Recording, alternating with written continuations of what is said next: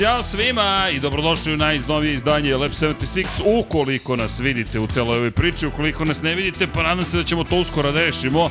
Trebalo bi da nas vidite, a ako nas ne vidite, to znači sam ja negde pogrešio. Deki, mi nemamo pojma. Jesmo live, ljudi? Sad ćemo da vidimo. Sad ćemo da saznamo uskoro. Da li smo Nismo. u live? Nismo. Sad nismo. Crni smo.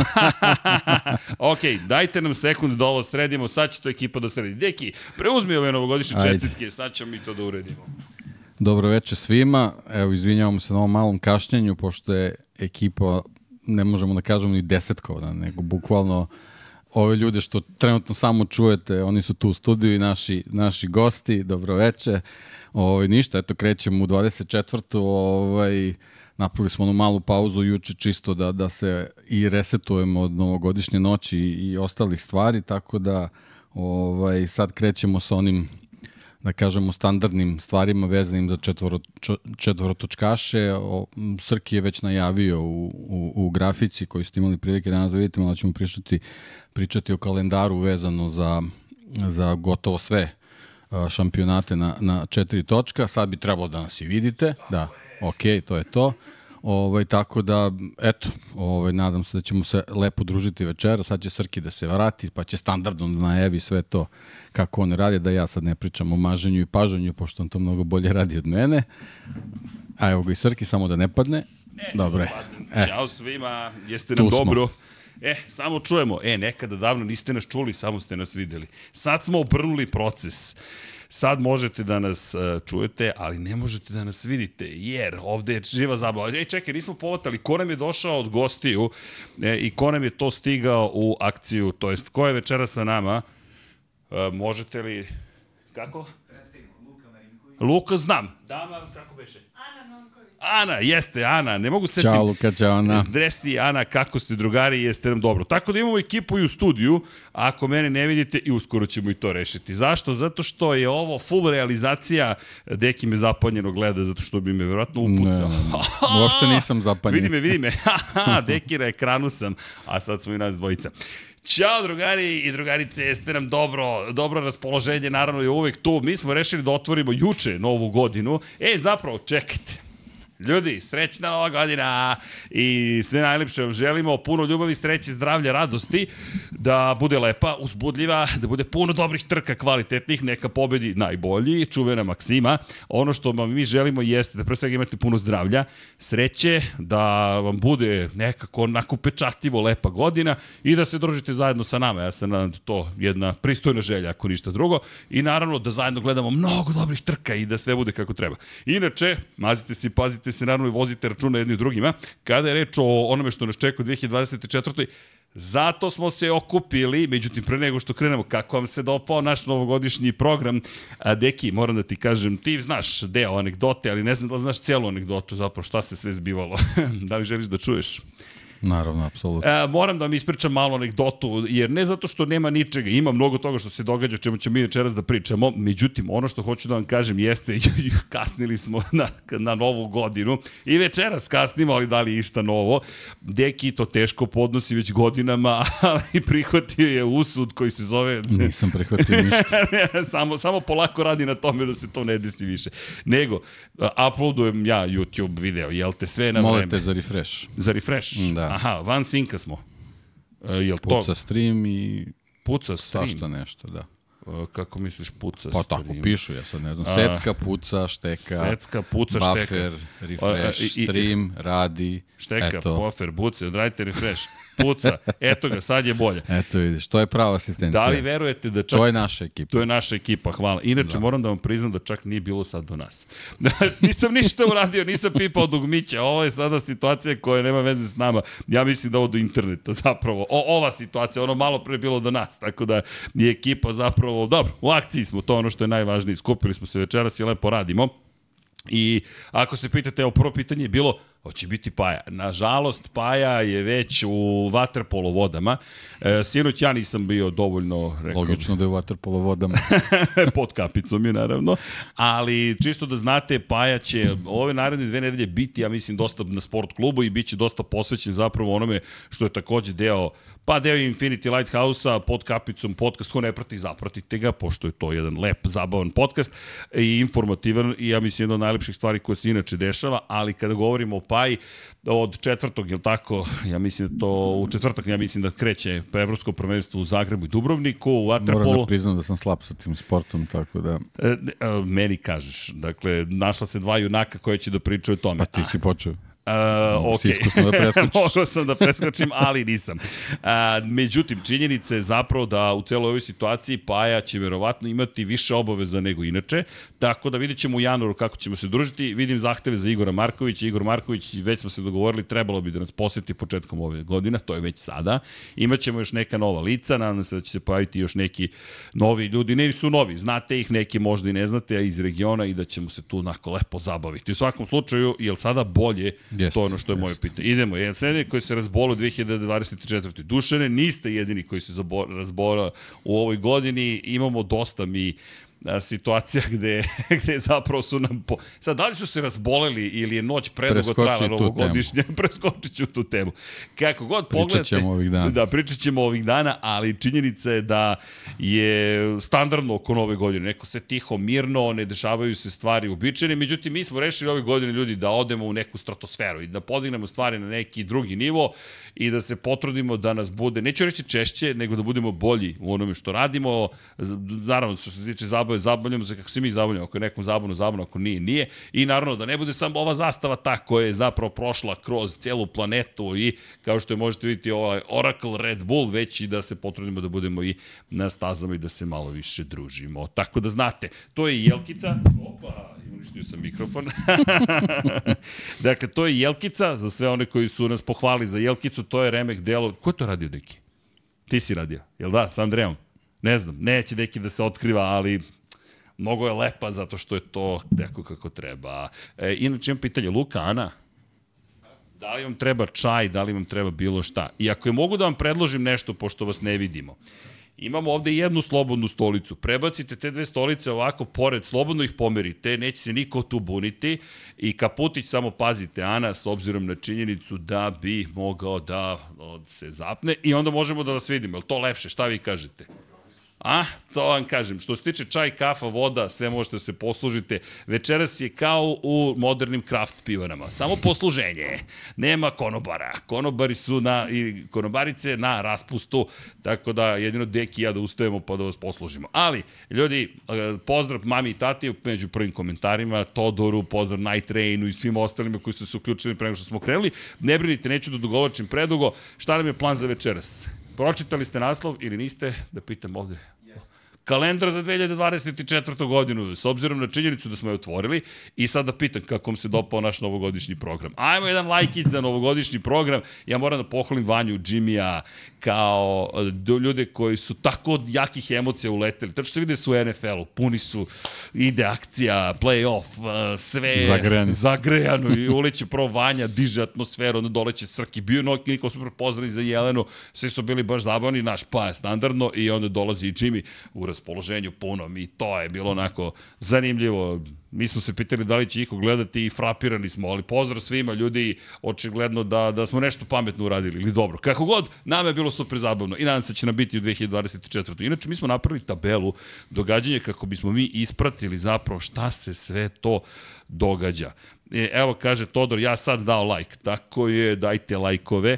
E, šta se to događa? Deki, ja ću da počnem sa brojevima Ljudi, jeste spremni za akciju? Ćemo idemo u akciju.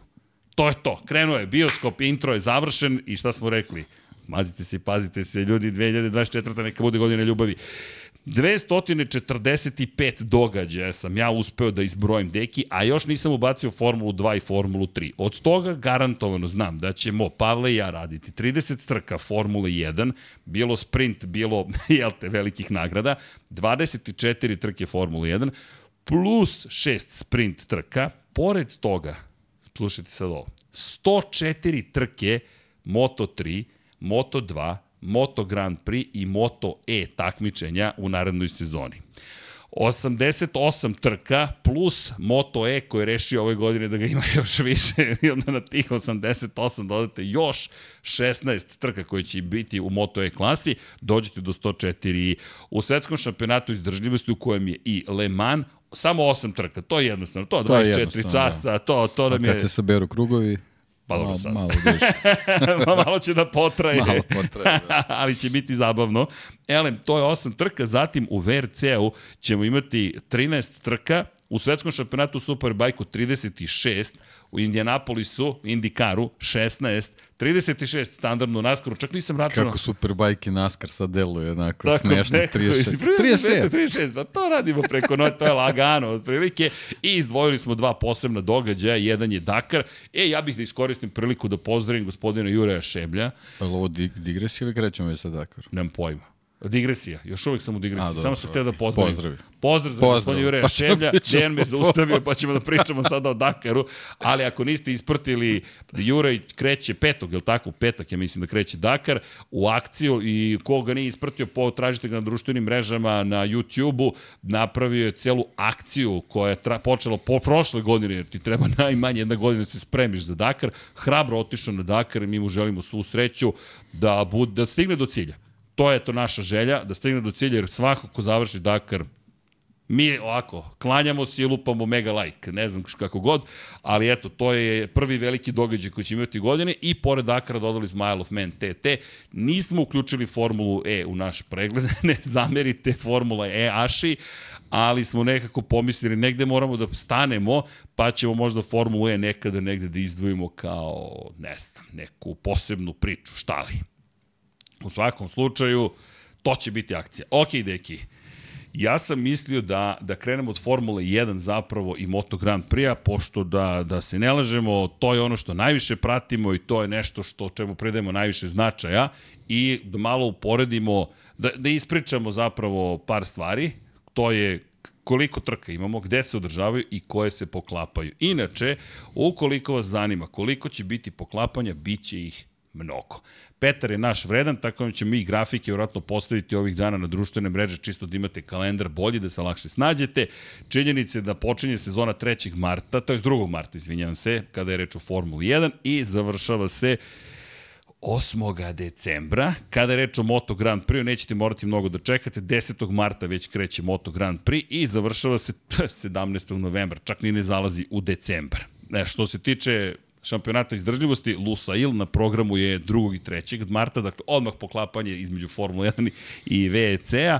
Zatim završava se šampionat 3. novembra u Sahiru, a kada je reč o VRC-u, Monte Carlo tradicionalno će već krajem januara da otvori celu sezonu. No, deki, hoćemo mi da krenemo od Formule 1, da, da se malo pozabavimo, opa, izvinjam se, time šta nas sve to čeka, a ukoliko želite kalendarski, možemo i to da uradimo. Mada, deki, šta ti predlažeš? Nije da smo imali koncept, nemam u pojma, smislu, mi volimo da pričamo, pa, ljudi o svemu ovome. ne.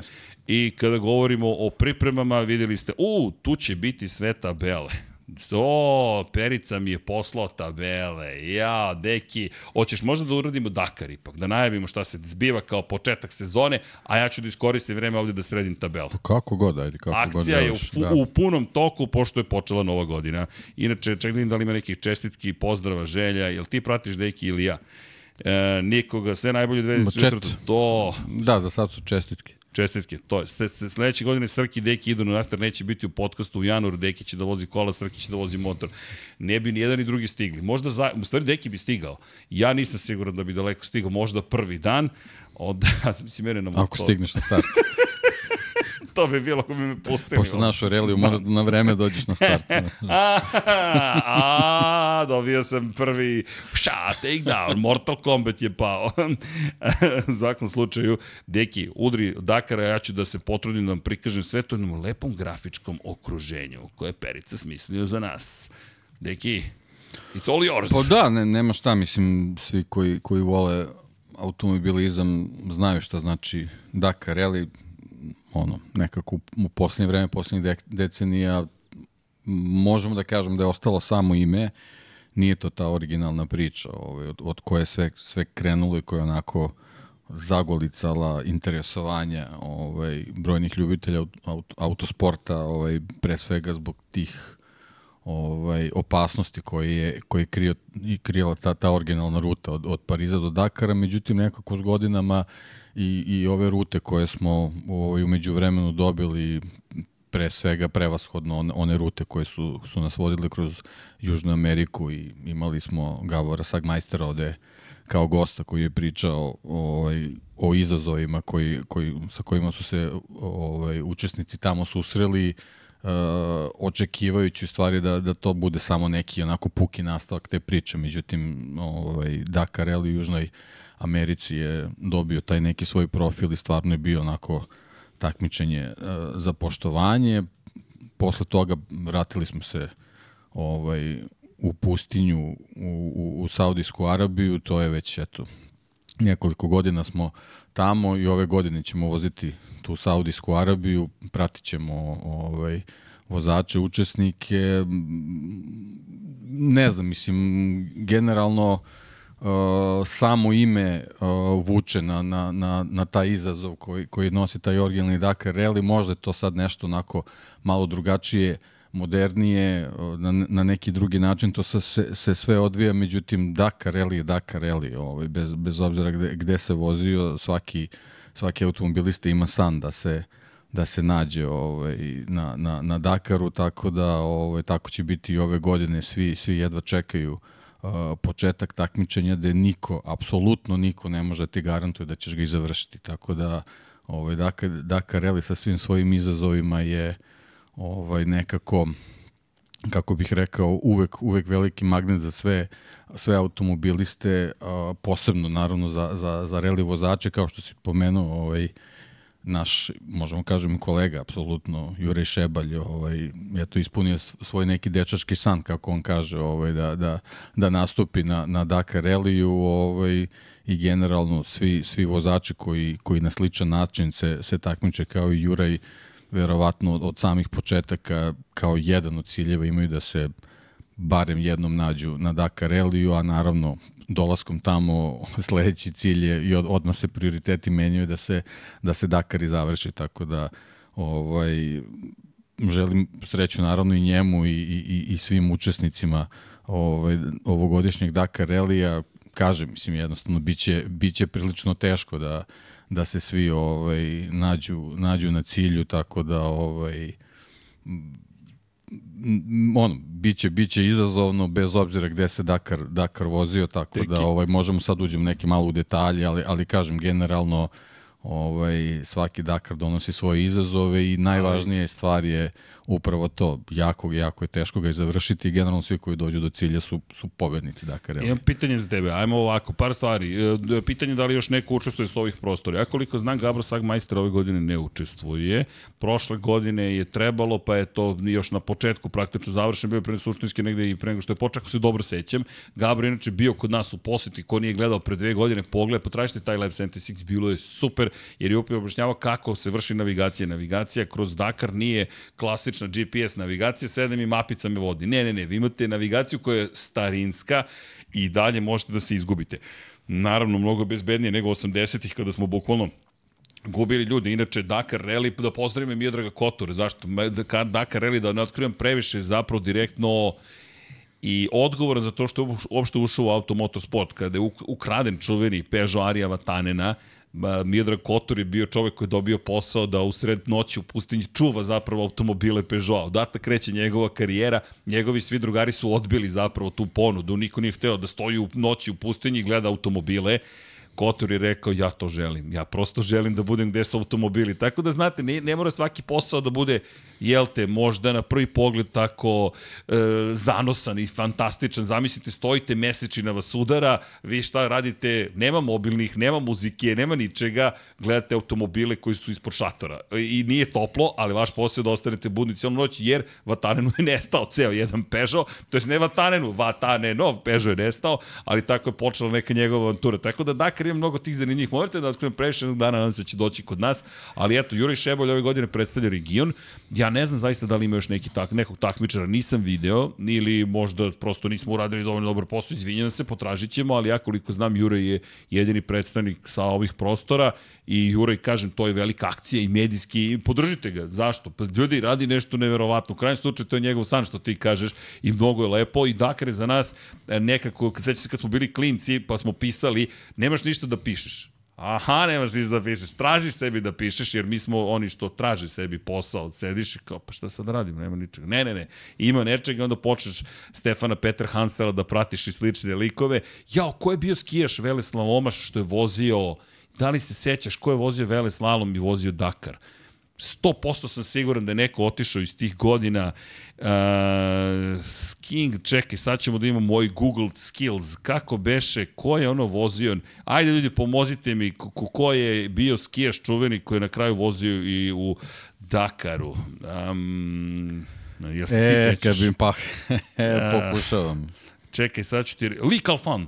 Lee Calfan, yes. je li tako? Yes. Lee Calfan, yes. dakle, on je vozio, e, ko ne zna ko je Lee Calfan, ne zna, nećemo se više ni mi, ali čekaj da potražim, znam da je bio čovek koji je vozio, verovatno sad još uvek vozi negde, razumiješ, samo što mi nismo to ispratili, ali čekaj, evo ga, svetskom, u svetskom kupu osvojio ukupni šampion 97. u super uh, veleslalomu, u spustu je bio, a nije veleslalomaš, super veleslalomaš, i potom da pobedio na Kidsbillu čovek i onda je otišao i na 24 časa Alemana, to nisam znao i učestvovao na Dakaru. Zanimljivo. I pobedio na Dakaru u Mitsubishi u 2006. Yes. A, to su vam legende, zato treba pratiti Dakar, ali što kaže Deki, kogod da završi. E, a što ti se toliko dopadalo u Južnoj Americi kada se vozio Dakar?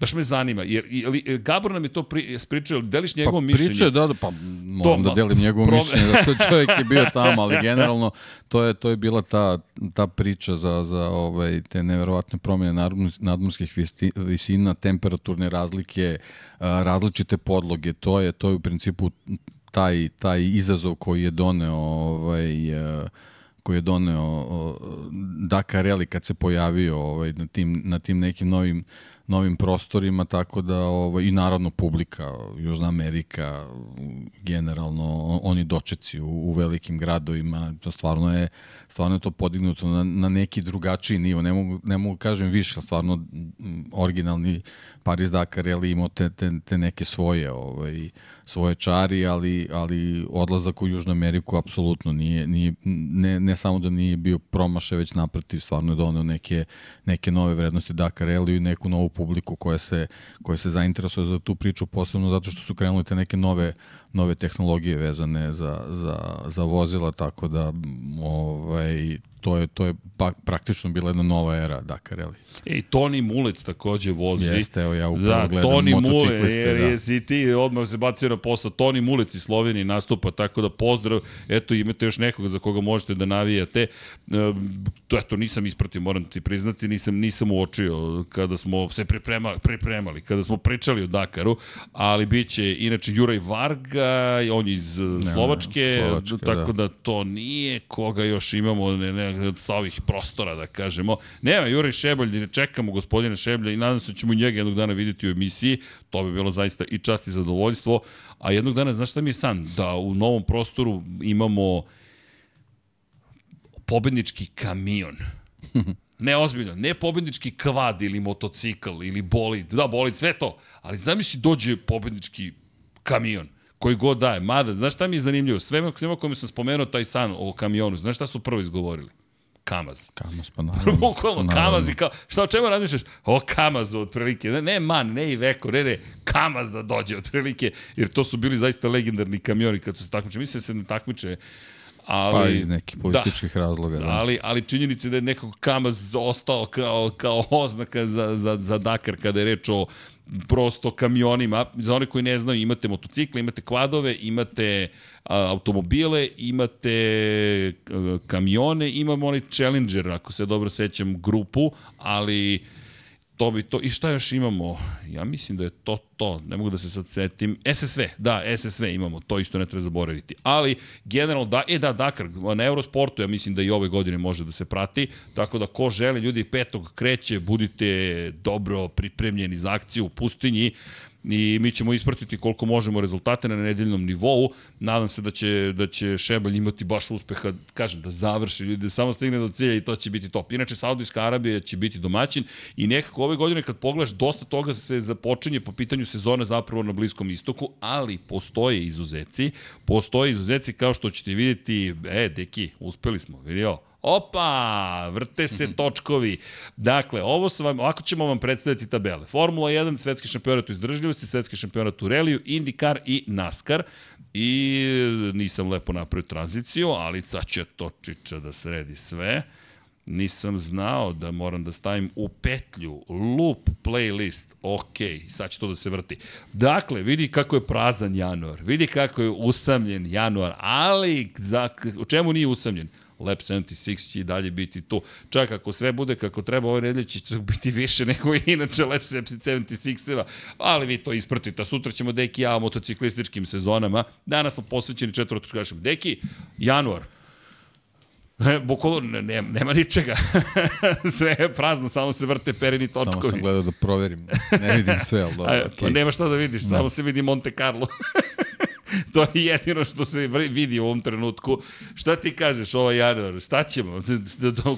Pa dobro, im Dakar, ono, dve nedelje praktično ovaj, dešavanja, reli već kad krenu ne, neka prva testiranja moći će i tu malo više da se, da se priča o tome. Sad, ovaj, ovi naši, da kažem, ključni sportovi, to u principu najviše od njih zavisi.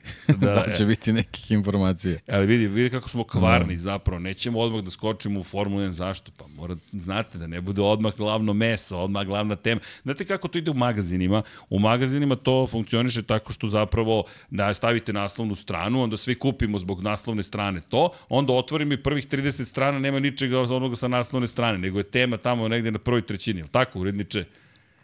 Tako je. Da, tako je, samo je mudro rekao tako je, što je istina zapravo, ali nije samo zbog toga. Ljudi, realno, kada već spomenjamo Monte Carlo, deki, ovo je jedna od tvojih ljubavi, da se ne lažemo, Reli i ti ja ga volimo, Šta nas čeka ove godine po, u, kada je reč o, o reli šampionatu?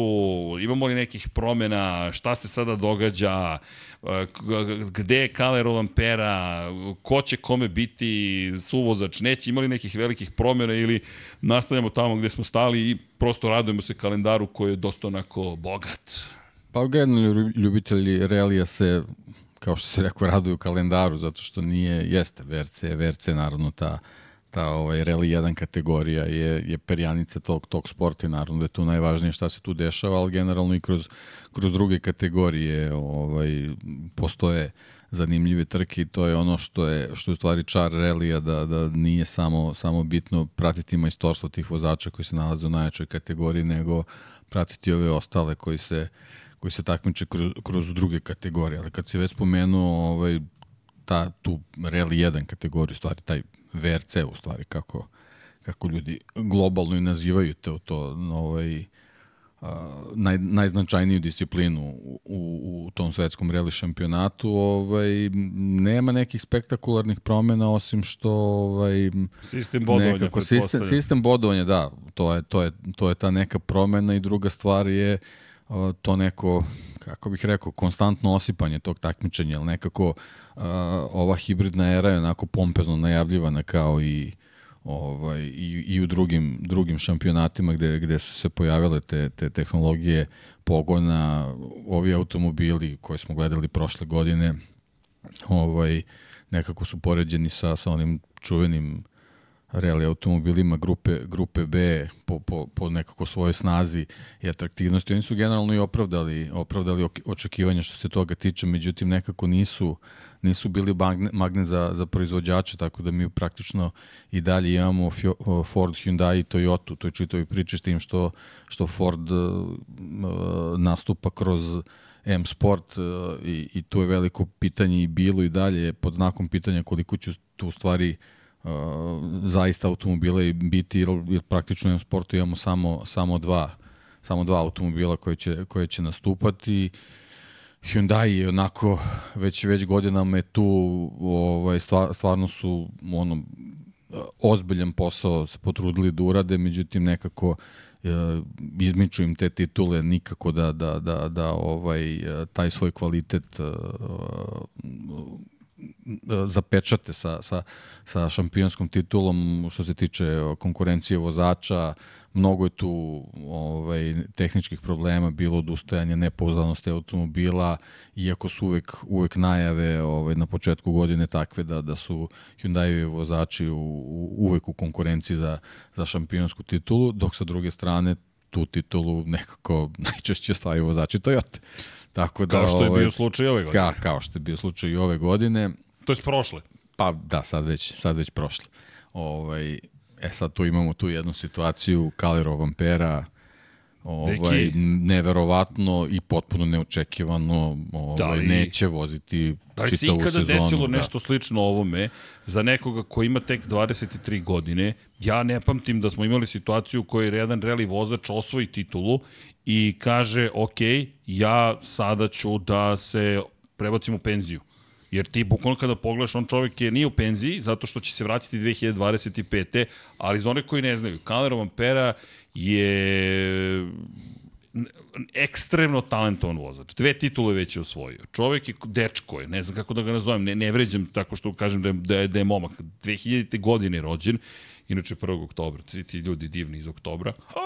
U svakom slučaju, evo ga i Luka je okto, oktobarska, da sad mama je u četu pa neću sad da razmišljam šta to, kako kad iskalkulišem 10 manje 9, dođem otprilike ovaj period zimski novogodišnji.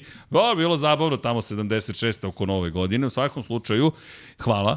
U svakom slučaju činjenice da se radi o momku koji je sin jednog velikog vozača, Harija Rovampere, koji je tek sada nekako ušao u neke godine koje bismo nazvali zrelim, osvojio titulu 2022. osvojio titulu 2023. U oba slučaja sa Toyotom i po, prošle godine, posle pobede na reliju Japana, ni manje, više, se saopštava da Kalera Rovampera neće voziti ove godine punu sezonu.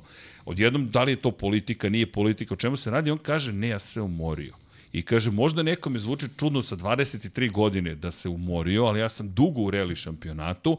Zašto ovo govorim? Zato što nam je savršen šlagvort, sve ovo isplanirano zapravo, koliko god izgledalo haha, deki, da imamo momka koji je rekao, meni je ovo previše. Sad izgovara da mu je previše, sa 23 i planira 2025. da se vrati. Ne želim da uđem bilo kakvu kritiku. Kalera Vampera je odrasla osoba, bira sam, ali činjenice da, da je meni to zbunjujuće, možda zato što sam i neke generacije gde nije bilo, nije bilo, pomisli da ti odustaješ u tom momentu naprotiv, sad još jače, još više, ali činjenice takođe da je to nešto što do sada nismo imali situaciju da čujemo. Pri čemu, kada čujemo da Max Verstappen kaže, ej, nisam siguran da će ostati u Formuli 1 ako se ovako nastavi, a da je jedan šampion sveta u reliju već povukao takav potez, ja se stvarno pitam, pogotovo što pričamo o kalendaru, gde smo stigli s kalendarima, deki? Znaš kako, dolaze verovatno neke nove generacije, pa mi njihova razmišljanja Ne razumemo. Ne razumemo, oni se očigledno možda ne fa- fasciniraju nekim stvarima koji, kojima, smo, kojima smo mi bili fascinirani, tako da ovaj, ima taj moment, a drugi moment koji apsolutno nije zanemario je da je Kalerovan pera finac. Ovaj, tako da nije prvi finac koji donosi tako neke neobičajne odluke činjenica. za ostale. Tako da ovaj, to, ta odluka mora, mora da se poštuje, naravno. Ovaj, samo, samo je publika ta koja, koja može, može da izgubi posebno na, na relima na kojima on neće učestvovati, posebno što već je spomenuo ove godine neće biti ajde da kažemo zanimljivije, znači to je ne, ne, ne vidim ovaj drugi, drugi odgovor osim da, da, da je to sad neki pokušaj organizatora da, da takmičenje kao nešto dodatno postane zanimljivo uvođenjem tih nekih ovaj, sistema bodovanja koji ljudi koji onako povremeno prate šampionat apsolutno će moći teško da isprate po meni. Znači ja sam kad sam kad sam prvi put video ovaj vesti o, o promenama bodovnog sistema, iskreno da morao sam nekoliko puta da pročitam da bi u stvari razumeo ovaj šta hoće da uradi da budem siguran da da da sam dobro pročitao. Tako da ovaj sve to nekako se se nadovezuje, ja kažem to ne mogu da kažem osipanje. Mi imamo tri ovaj brenda koje već nekoliko godina drže drže taj VRC praktično na, na okupu da imamo da imamo to takmičenje ve, većeg broja konstruktora, jednostavno drugi nisu za sad zainteresovani da se uključu u priču, tako da, da vidjet ćemo gde će to da ide i gde će dovesti te neke promene u bodovnom sistemu koje mogu da, da učine takmičenje bude zanimljivo u smislu da teoretski čovek koji je pobedio na reliju ne mora da bude osoba koja će tog trkačkog vikenda na tom reliju da da ovaj osvoji najveći broj bodova.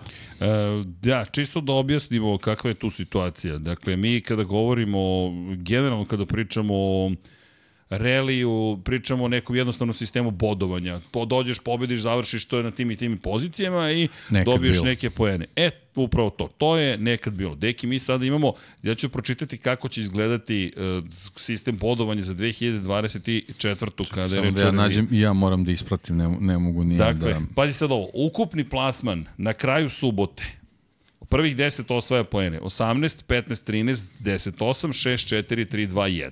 Zatim, akumulirane pozicije u nedelju, 7, 6, 5, 4, 3, 2, 1 i Power Stage 5, 4, 3, 2, 1. Koji je već bio, da. da. Dakle, ti sad kao, imaš... kao Power Stage koji je bio recimo prošle sezone. Da. Da, da, i zašto se ovo desilo? Između ostalog, no veliki broj timova je čuvao gume za power stage zapravo, zato što imate mnogo manju šansu da pogrešite, to je povećate šansu da postanete dobar rezultat. I onda sačuvaš gume za power stage, za taj čuveni super brzinac, ajde da ga tako nazovem, i do sada su pokušali to da reše time da te motivišu zapravo da voziš onaj klasičan reli kako pomiriti sad moderno doba, hoćemo super specijal gde se ljudi trkaju, gde može televizija da nešto i dobije od e, sadržaja, jel te, a s druge strane da ispoštujemo tradiciju koja se zove reli i onda smo došli do ovog kompleksnog sistema bodovanja gde morate da znate i stanje u subotu i stanje u nedelju i ko je bio najbrži na brzincu.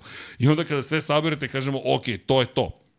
Inače, kalendar izgleda ovako, da izgleda, pročitaću ga, ne, ne moćemo reći kako izgleda, ali Monte Carlo otvara sezonu 28. januara, zatim 18. februara idemo u Švedsku, zatim imamo Safari Rally To Kenija. je promena, da.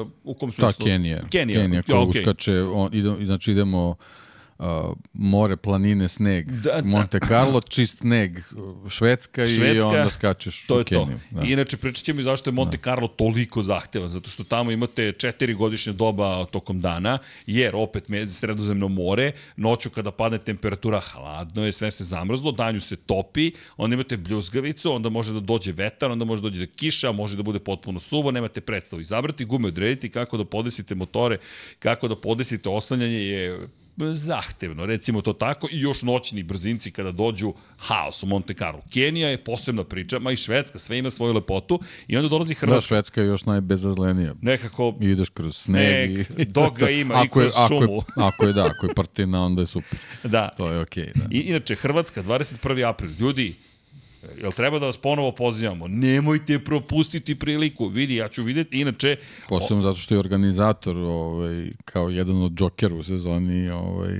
apostrofira hrvatski reli. Tako da bukvalno, zaslužuje publikum koje dolazi ovaj, tamo. A Zaista. pritom, to će biti baš trkački vikend, tog dana velika nagrada Kine u Formuli 1, ukoliko je bude, trebalo bi da bude, za sada sve stoji kao da će biti. A Pričemo, kako, kako, kad će se voziti? Mislim, mo- može da se... može, može. Može, super. Deki, gledam te, I am watching you. e, vidi, motorizovan, mo, motorizovanost će biti e, poboljšana. Ti si u tako- kabini, tako da... A da, kad završim kabinu, Aha, važi. A zašto da Sad će ne? na avion ćeš da sedeš. Ne, pa neću, dođeš. da Nego idemo kolima. Jeste. Onda, zamisli. Da se teleportujemo. Završimo u 8, u, u podne smo Mhm. negde. Jedan popodne. Pa dobro, vi, ajde vidjet ćemo. Da. To je taman to. To za vidjet ćemo. ručak, da. Ne, ali znaš šta je, znaš u čemu je cak? Kina ima sprint. Kina ima sprint, tako da ne znam u čemu je caka onda, to je još kompleksnije. Ali okej, Okej. nadao sam se da će nešto Okej. pozitivno da se izrodi iz Nisi se ovoga. izvukao, sve u redu. Inače, Portugal 12. maja, Sardinija 9. do 2. juna, zatim Poljska 30. juna, pa Letonija 21. jula, pa Finska 4. avgusta, Akropolis Grčka 8. septembar, Čile uhu, 29. septembra i centralnoevropski reli će biti 3. novembra, a Japan će zatvoriti sezonu 24. Ukupno 13 takmičenja, što za reli nije malo. Da se Nije malo, nije, to nije, nije. malo, što me vraća Pa opet- nekako onako mm, čak malo više od optimalnog broja. Pa, Ali, okej, zahtevno. Zahtevno. Zahtevna sezona, da. ideš, putuješ, e, moraš da budeš spreman na različite To i uslove. ovako, na, na prvi pogled, kad se pogleda kalendar i mesta, stvarno ovaj, jako, jako malo da kažemo back to back uh, relija da ne moraš ponovo da radiš etapa automobila iz početka. Tako da, biće, biće zanimljivo. Biće kompleksno. Možda ja Letonija rekao. Finska, eto možda, možda ne, ne, ne mogu sad da se setim na pamet taj letonski reli, kakva je, kakva je podloga, ovaj, ali generalno možda su ta dva relija onako M su blizu, onako geografski, M, M moguće da, da su jako slične podloge. Ovo sve ostalo zahteva posebne pripreme.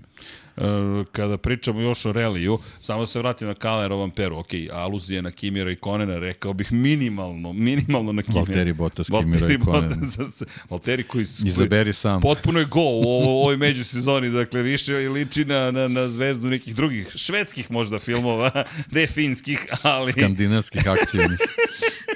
Skandinavac u akciji, Valtteri Bottas, ali dobro, Valtteri ima neku svoju viziju i to je u redu, poštujemo, je, poštujemo čoveka pre svega, ali činjenica je da, da je Kalerov Evo, ali mi te podsjeća da je Sarajevski sajam knjige taj vikend. Kad je velika nagrada ali, Kine. Ali stići će on, nemojte, ne, čekajte, na tri mesta bez Jedno problema. pitanje, ka, ka, e, ali stani, nije samo za vikend Sarajevski festival knjige. Stani, stani, stani. E, sad moram to da vidim. Dakle, zapravo kada je, koliko sajam knjiga Sarajevo, ne, ne, nemoguće da traje, sajam knjiga Sarajevo da, da traje... Od 17. do 22. Moja, 17. i 18. lagano sam tu. Ma, ima to su fore, sreda, četvrtak, onda se vratim za kinu, onda u subotu pobegnem ili u nedelju. Čekaj, kad će? Pa nedelju, bar da odem, u stvari ne, iz Sarajeva odem gde god da će biti prolog i onda direktno za Beograd i onda u nedelju se vratim u Hrvatsku i gde god daje reli se makar pozdravimo sa svima. A? Ma odlično si smislio to. Nemam, Neki, nemam, nemam zamerku ti, nikak. Nema zamerke, ali znaš da će se to i desiti. Uh, da, hvala Almire na podsjedniku. da, čekaj, moram u kalendar da upišem događanja. E, a inače, moram ti da ti se pohvalim, imam čak i neke slobodne vikende naredne godine. Ali dobro. Uh, da, eto, počeli smo nekako sa relijem, s obzirom na činjenicu da će nam prvi otvoriti sezonu. E, čekaj, da vidimo šta, nam, šta imamo to u februaru. Perica je umeđu vremenu bio vredan. Da, inače, imate puno pozdrav od Petra, Petar naš dragi, koji Jesi ga video u skorije vreme, moram da te pitam. Nisam, ali smo se dopisivali da. na dnevnom nivou. Pera je legenda, sad samo Pera da vidim gde je poslao sve ovo što je poslao. Sad ćemo mi to da sredimo, nemojte ništa da brinete, da mi možemo da vam prikažemo lepo E, evo ga, stigao nam je i februar i mart je stigao, sve je stiglo, deki, hoće da bude sada super. Samo ja moram vidjeti kako se odaljavam da bi mogo da pročitam na ekranu šta je. A, nemojte da se smijete, to nije u redu. A, ali činjenica da je tako. Evo ga, februar. Pogledaj sad ovo. Deki. crno, crno, crno mi je sve. Nema moje formule. A, to, jao, to bih mogao da radim za kumov 50. rođendan, pošto mi da traži da pe, pa 50 narodnih pesama treba da otpevam, ali evo, ponosno me gledaju ovde, ne veruju da će se to desiti. Dobro, u, nije, nisam sma, nije, nije, nije fit tu, vidi, ispo mi je tamo onaj deseti deo. A, sad ćemo to da sredimo. Nisam uradio fit to screen za ovo. A, sad ćemo mi to da regulišemo, nemojte ništa da brinete. A, u svakom slučaju, show transition, pa gde imate čoveka koji radi ovo, a ne može da vidi? Jel si ti to nekad video, deki? Copy, transfer, fit to screen. Evo ga. E, e, ipak ima događanja, pogrešio sam. Vidiš šta kreće, deki? 18. februara, Daytona, 500 milija Daytone. I odmah posle toga Road Atlanta, idemo u Atlantu. Dobro, do ovo već sad kreće za huktavanje. Znao sam da nešto mi sumljivo, ali eto, Švedska 18. februar. Do tada, kako vam ovo izgleda kad prokomentarišite kada znate da neće biti formule? Cijel januar, ceo februar. Mada nije baš ceo februar, s obzirom na činjenicu da ćemo zapravo u martu već, to je 29. februara imati prve treninge, nego, deki, kad si poslednji put pratio zbiljnije NASCAR, ako ikada? Pa ne mogu zaista, ovaj, da se suviše, pa time. ne mogu, da, da, suviše trka i on više, više kroz vesti nego, nego što mogu uživo da generalno trudim se da Taladegu ne propustim, ovo ostalo koliko mogu. Je ti to omiljeno? Apsolutno. Taladega, je li zbog filma ili? film je samo bio šlag na tortu. da, za one koji nisu gledali film, pogledajte Talladega Nights. Obavezno. Obavezno, ljudi, to je spektakl. Ne, ne, ne vredi ga opisivati, s obzirom na činjenicu da je to... Da, Jimmy se ne bi složio, ne, ne volite da, plitke komedije. Plitke komedije. Da, da. Ko je naš Jimmy? Da, da. Stvarno? Pa, kad smo pričali, nisi slušao. A nisam slušao Talladega Nights. Da. Ne, nismo spominjali Taladegu, nego smo A, spominjali komedije. A je, ali pitanje, pitanje je ovo, možda bi mu se ovo dopalo, ipak Talladega Nights su specifične. Inače, za one koji se pitaju, NASCAR 36 trka, ljudi standardno, nemamo nekih uh, velikih izmena po pitanju kalendara, dakle, standardno već imamo Iz situaciju. vikend u vikend, da. Tako je, vikend, vikend, bit će međutim pauza u avgustu, to je ono što je zanimljivo, to je zanimljivo, to je ono što se uvek desi malo, oni ljudi odu malo na odmor i to dva vikenda ćemo imati prazna 28. jula i 4. avgusta, inače sve čitam nedelje i čak i kad je trka u subotu piše datum kao da je nedelja, ali vi pričat ćemo o Formuli 1 kad se šta dešava, inače oni kad krenu ove godine nema stajanja, čak ni 19. maja, inače uskrs ove godine, ej, samo da vam napomenem, da li znaš kada je uskrs po Gregorijanskom kalendaru? 31. marta. Da li znaš kada je po julijanskom kalendaru? 5. maja. Ja mislim da ovo najveća razlika između takozvanog katoličkog i pravoslavnog, ali to nisu samo katoličko pravoslavni, pošto različite crkve imaju različite datume, tako da ovo gregorijanski i imate julijanski. Najveća razlika, pošto su to praznici koji se pomeraju zapravo, i onda ove godine će biti valjda pet nedelja ili šest čak nedelja razlike. Da, to, to je inače, jer e, svake godine za uskrs se pravi ozbiljna pauza u trkačkim, e, trkačkom svetu, nikad se skoro ne vozi uskrs, ove godine to neće biti slučaj, 31. mart za NASCAR i dalje trkanje u Richmondu, ali neće biti trka ni u Formuli 1, ni u Moto Grand Prix, pa čisto da znate, zato se međutim vozi šampion, rally šampionat. A, došao sam spreman i već znam ko neće raditi 6. maja, pošto je to Đurđevdan, znači 6. 7. 8. 9. spajaju se nedelje, još 1. maj, dan rada, i jel te ste pričao u Italiji, kada imaju grafit, ra, rad ubija, i onda protestuju 1. maja što se, što se toliko radi u životu. Ja ih potpuno podržavam, dakle, na svakom slučaju, da, ove godine, eto, malo drugačije će biti.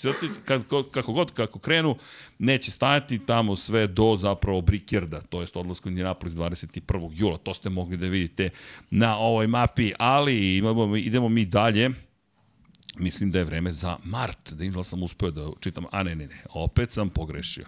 Opet sam pogrešio, e, sad ćemo, međutim sad već znam kako to da sredim, deki. Opa, fit to screen. Kao da je neko nešto kapnulo na mene a možda je to radnički znoj izbija. Deki, vidi Nije me, sigurno, Đuti, nije vidi sigurno. Mart. E, ja, E, e, sad počinje zapravo i podcast. Oh, ha, ha, reci. No, formula je baš, koliko tri? Ne, ne, A u Kenija, za negde, nešto nam se da. desilo sa Kenijom. Ke, jao, perice, trepavice, moja, Kenija ti je 31. marta, nema veze. Dobro, nema veze, nije strašno. ali zato pogledaj, počinje sezona Sankt Petersburg, Indija, po, ali ajmo da se držimo, sad već moramo krenemo s Formulom 1. Tamo desno ćete gledati tokom meseci koji su pred nama, kako izgleda takmičenje. Jao vidi, Bristol je stavio u Veliku Britaniju pera. Pero ima Bristol i u Americi. A, moram da ga naučimo Naskaru malo više. Zamisli, čekaj, ovo je hit, zamisli koncept da se u Bristolu, u Britaniji vozi trka Naskara. Ja mislim da bi to bilo fenomenalno. E, ne zamerite, mi smo ovde vrlo iskreni, dakle, naš Petar Perić je Ja pomisli... i crnogorski džede iskreno. Šta kaže? Gledam upravo novogodišnji specijal, toliko sam se zanao da sam zaboravio da je podcast večeras. E, mi smo se silno zabavili. Ja, ne, deki, moram, izvinjam se, moram da digresiram u celoj ovoj situaciji. Ali mi smo se ljudi toliko smejali i zabavljali, pri čemu je vrlo iskreno bilo da naj, najbolje mi je od svega Paja koji me zove dan ranije. Srki, nemam vremena, dođi u 17. Jel? Okay? Ja kažem, okay, dođem u 17.28. Jer je prvi bitni plan bio 17.30. Ne, pri čemu, ni Paja ni Deki više me ne zovu. Odustali su od koncepta zvanja, jer nešto se negde dešava. Nećeš verovati šta se desilo. Međutim, ja ovog puta ponosno dolazim u 17.30, jer sam potpuno zaboravio da sam mu rekao, važi, važi, 17.00. Ja sam to više posmatrao kao neku smernicu, znaš, kao preporuku, ne kao njegovu molbu i zahtev da budem, jel te, malo ranije u studiju, Ništa, Paja, otišao je malo ranije, kao što ste mogli da vidite. Deki koji se pita, dobro, šta ću mi da radim ovde večeras? I onda kreće potpuni haos, naravno, i kako je krenuo taj haos, tako da je, jeste bilo pomalo haotično. A onda je vrhunac što je kasnije podcast i što smo novu godinu svima čestitali tipa u 0027. Ja, a, a pazi, sve je bio dobar plan i, i tempirano sve. I ka, YouTube je kriv, nisam ja majke mi. Nema veze što, Sigurno sam, što sam ja naravno opet, ja pa da izmenimo ovo, pa da sredimo ovo, pa da uradimo. Ali ne veze, bilo je zabavno i lepo smo se, lepo smo se družili. Elem, da se mi vratimo našem kalendaru. Ljudi, ovo smo čekali. 2. marta, Bahrein, počinje Formula 1. Nisam ubacio predsezonska testiranja, pozdrav za našeg Hasana Bratića koji će biti na stazi već u februaru. Biće na stazama i Moto Grand Prix i Formula 1, fotografija će pred sezonu, tako da odmah mogu da vam najavim da ćemo raditi takođe analizu predsezonskih testiranja i to, ukoliko ne bude direktnih prenosa, mi ćemo se potruditi da sednemo u studio i da komentarišemo šta se to tamo negde dešava. Ako bude direktnih prenosa, pa bit ćemo sa vama na TV-u. U svakom slučaju, Bahrein, Formula 1 i, Lu, ne, Perice, jao, kako mi je poremetio ovo? Il mi je preselio 3. marta, 10. mart.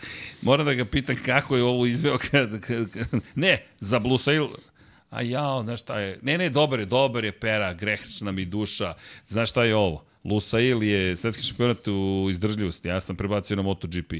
Pero, izvini, ja sam kriv. Oprosti Petre, ali pogledaj ti u pustinji Možda se navikneš da nemaš ovde Da nema MotoGP, da. da. Nekako navike su čudo. Elem, Bahrein, deki otvaramo sezonu, 29. februar prvi trening, kreće Bahrein, prošle godine Bahrein je bio mesto na kojem smo takođe započeli sezonu i započela je onako kako se završila, pobedom Maxa Verstappen. E da, inače, na šta smo zaboravili da kažemo, to je zapravo, ok, za Rally smo rekli, ali za NASCAR nismo napomenuli zapravo ko je prošle godine bio šampion, čisto da ne zaboravimo. Ryan Blaney je osvojio titulu, tako da znate, spomenut ćemo uvek svakoga ko je osvojio titulu. Kada je reč o Formula 1, Max Verstappen, ako niste znali, osvojio titulu. I kao što smo rekli, u Bahreinu je sve krenulo, deki, nema tu nekih, mnog, nekih velikih promena, bilo kakvih promena, suštinski idemo u Bahrein koji vrlo dobro poznajemo i krećemo u akciju. Inače, to ćemo imati predsezonska testiranja, tako da bi trebalo da koliko god da timovi kriju, negde imamo prve naznake toga šta se dešava zapravo kada se završi ta predsezonska testiranja. Kako tebi ovo izgleda, početak sezone? Bahrein, odmah Saudijska Arabija, a Lusail, svetski šampion. Pa dobro, pričali, pričali smo što se tiče Formule 1, ovaj, malo će duže biti taj, to odsustvo iz Evrope do, do, do, do prve trke. Uh, Tako da ovaj, ekipe će onako što se toga tiče imati ozbiljan izazov ovaj, da posle tih testiranja kad, kad krene samo takmičenje ukoliko ima potreba za nekim ovaj, radovima u, u fabrikama da onako bezbede kompletnu logistiku da se to isprovede onako kako, kako bi trebalo, tako da ovaj, što se tiče Formule 1 ovaj, biće, biće prilično interesantno kako će ekipe da reše taj, taj početak sezone i to da kažem uigravanje igravanje vozača sa bolidima, u stvari generalno igravanje ekipa sa, sa, sa novim bolidima, koliko god da budu novi. Pa da, vidjet ćemo, ja mislim da će biti dosta novi, moram ti priznati, da će, da će morati da porade, jer toliko su zaostajali za Red Bullom da ukoliko nešto ne promene ozbiljno, ne znam šta zamišljaju da će im se promeniti. Na koga ti tipuješ da će, da će najviše da se približi? Da će najviše da se približi Red Bull, na koga tipujem? Iskreno mislim da će McLaren da bude naj, bliži. I mislim da, ej, ste nas fotkali, čekaj, nismo pozirali, stani, to nije u redu. Eto. dakle, mislim da će McLaren tu najviše da se približi, iskreno. Ferrari, mislim da će to biti ili ili, jer nisam siguran, ni dalje nisam poverovao da znaju tačno šta rade, Mislim da se oslanjaju dalje na sreću, jer mislim da ponovo menjaju bolid mnogo, a Mercedes mi ostaje nepoznanica ogromna. Mercedes sa onim konceptom od kog je odustao, pa su bili, pa nisu bili, zaista ne znam. McLaren Dobro, Mercedes djelo... kreće, kreće na rizik, da, jednostavno od nule praktično, gotovo od nule pravi, pravi bolid za sledeću sezonu i to može da bude ponovo ili jedno ili, ili drugo. Mislim, njih onako neka neka sredina generalno ne, ne zadovoljava i ono što je Lewis Hamilton pričao šta je generalno njegova motivacija. Ti, ti neki prvi kilometri ako bude osetio da, da ima konkurentan bolid, sve će krene u, u, u mnogo boljem smeru, mnogo brže nego, nego ovaj, što bi inače išao neki razvoj. Tako da, ključan period Ali... za Mercedes je možda upravo ovaj, možda sad dok, dok pričamo, sad kad krenu da se vraćaju u fabriku, to će biti najvažnija stvar, kako će to sve da se spakuje, što je do sad smišljeno, kako da se, da se spakuje i pripremi za, za, za testiranje koje su eto, za, za mesec dana, malte ne. E, ali kako ti to izgleda? Ajde, ajde ovako, dakle, iz uh, perspektive Mercedesa, ok, ajmo dva scenarija, desi se, zapravo, ajmo da se vratimo korak nazad ka McLarenu. Zar nam nije McLaren jasno stavio do znanja da je moguće u sezoni, u sezoni toliko promeniti svoj bolid, da budeš daleko brži od ostatka sveta.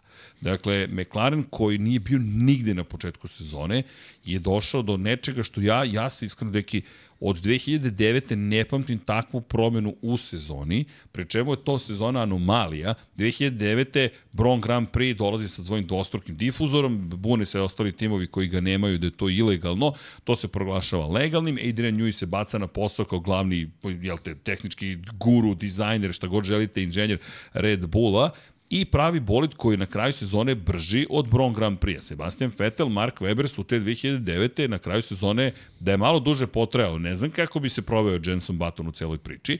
Kako god, od tog momenta ja se ne sećam takvog preokreta za jednu od vodećih ekipa. Imali smo Force Indiju svoje vremeno koja je unapredila na polovini sezone svoj onaj čuveni nos sa nozdravama, što je još uvijek je bio Kingfisher, čak mislim glavni sponsor, ali Da li se sećaš sezone u kojoj neko ovako preokrenuo svoju sudbinu i stavio do znanja da možeš kroz aerodinamička unapređenja zapravo ti da dovedeš sebe do toga da se značajno približiš Red Bullu. Ne da ga nužno ugroziš, ali da se približiš. I onda kada pričamo o Mercedesu, i motivaciji. Ako Hamilton izgubi motivaciju na početku, zar to nije suprotno onome što smo videli? Zar ne bi trebalo da bude uh, razmišljanje, ok, čak i da smo negde pogrešili, naći ćemo rešenje. I čisto me zanima kako ti vidiš tu situaciju, pogotovo što Hamilton nema mnogo vremena za gubljenje, njemu ugovor ističe 2025. Ali, znaš, generalno stav, kakav je tvoj pogled na to?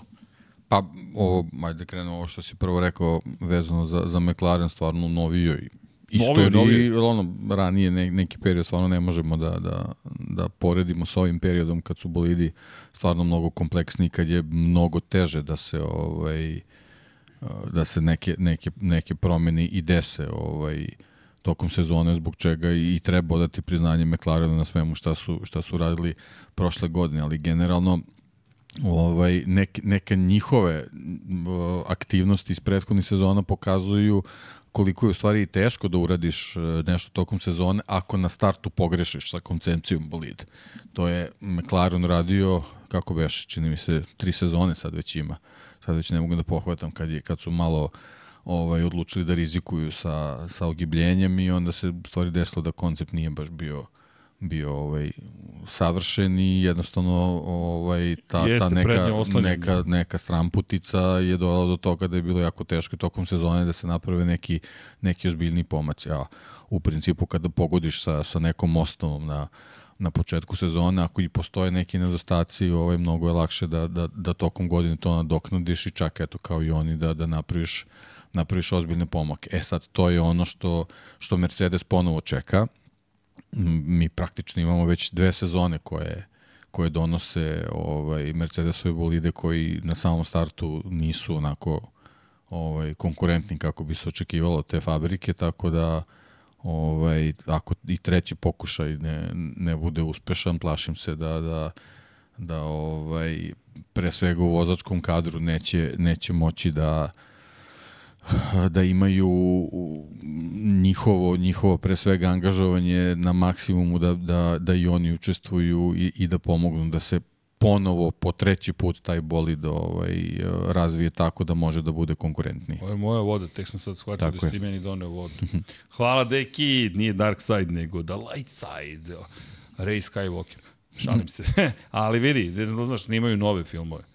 Potpisali su ugovore, pa ćemo da vidimo. Se meni tiče i i 11. ne moraju. Ne moraju, ali nema veze, idemo dalje. Da. Elem, da se idu vratim... oni slobodno. Ne, ne, e, ali da se vratimo sada na ovo. Meni je samo e, mnogo zanimljiva ta situacija u Mercedesu, jer Hamilton je potpisao dvogodišnji ugovor i sad ako ti kažeš odustaćemo praktično pre nego što sezona počela, ne, McLaren je dao poruku, nema sad odustajanja, sad moraš da nađeš način da rešavaš aerodinamiku tokom sezone, jer očigledno da ih je nju tu potpuno pobedio, ali videli smo i greške kod Aston Martina, nazadovanje, pa vraćanje na početak, međutim McLaren je meni kao baš svetionik, jel te, jer je pokazao kako stvari mogu da se promene, tako da ajde, nadam se da ćemo vidjeti prvo male razlike u Bahreinu predsezoni, a potom i da i koliko ih ima se sustižu, prestižu, da će tu biti akcije.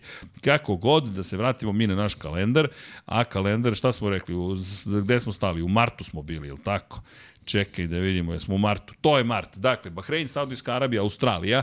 Ko želi da se sprema u martu za ne znam nija šta, ali da znate da vas čekaju tri trke. Pri čemu, termini neće biti loši za prve dve iz perspektive evrocentričnog pogleda, centralna evropska vremenska zona, Bahrein, Saudijska Arabija, dakle to su praktično popodnevni večernji termini. Što se tiče svetskog šampionata u izdržljivosti, samo da napomenemo, svetski šampionat u izdržljivosti, za one koji ga ne prate dovoljno, mi ćemo se potruditi makar da ispratimo ove godine rezultate i to kako se približamo Le Manu. Da li ćemo još nešto raditi za Le Man, držite nam palčeve, šta drugo da vam kažem, navijajte za nas, ali činjenicu da ovo šampionat deki koji je mnogo zanimljiv. Inače, ova trka će se zvati Katar 1812 km, s obzirom na činjenicu da mi u ovom šampionatu imamo zapravo dve, dva koncepta trkanja. Jedan je, jedno su trke zapravo u kojima je sprint, da ga ne, nije sprint, ne mogu da kažem sprint, ali skraćena trka, 6 časova traje i imate 24 časovne trke. Dakle, to su dva osnovna koncepta koje ćemo imati i imate kada pogledate i takmičenja kroz sezone, na primjer prošle godine, napomenut ćemo i ko je bio šampion i ko je osvojio Le Mans, ali bih se vratio dakle, na hiperautomobile, dakle Toyota Gazoo Racing je bila najbolja, Sebastian Buemi, Brandon Hartley, Ryo Hirakawa i Mike ne, i Ryo Hirakawa, izvinjam se. Oni su bili u posadi broj, koja beše, nisu oni bili, ne mogu setim, čekajte, koje beše njihov broj bio, sad ćemo da saznamo, ali ne. 7 ili 8 ako je Da, da, Toyota. mislim da je osmica njihova bila, jeste, osmica su oni bili, a Mike Conway, Kamui Kobayashi Jose, Jose Maria Lopez su bili sedmica. Elem, oni brane titulu u šampionatu, pored toga što imamo, dakle, šampionat u kojem govorimo o, o zapravo imaju šesto i osmočasovne trke da ih ne zaborim, pričamo o različitom bodovanju. Vi dobijate najviše poena za 24 časovnu trku, 50 za pobedu, 38 za osmočasovnu i 25 poena za šestočasovnu trku. Tako da nisu sve iste dužine, ali su deo jednog te istog šampionata. Toyota inače prošle godine, pazi ovu ironiju, u sedam trka zabeležila šest pobjeda, samo u jednoj trci nije zabeležila pobedu i to je bio Le Mans kada je pobedio Ferrari, koji inače prošle godine imao samo jednu očiglednu pobedu.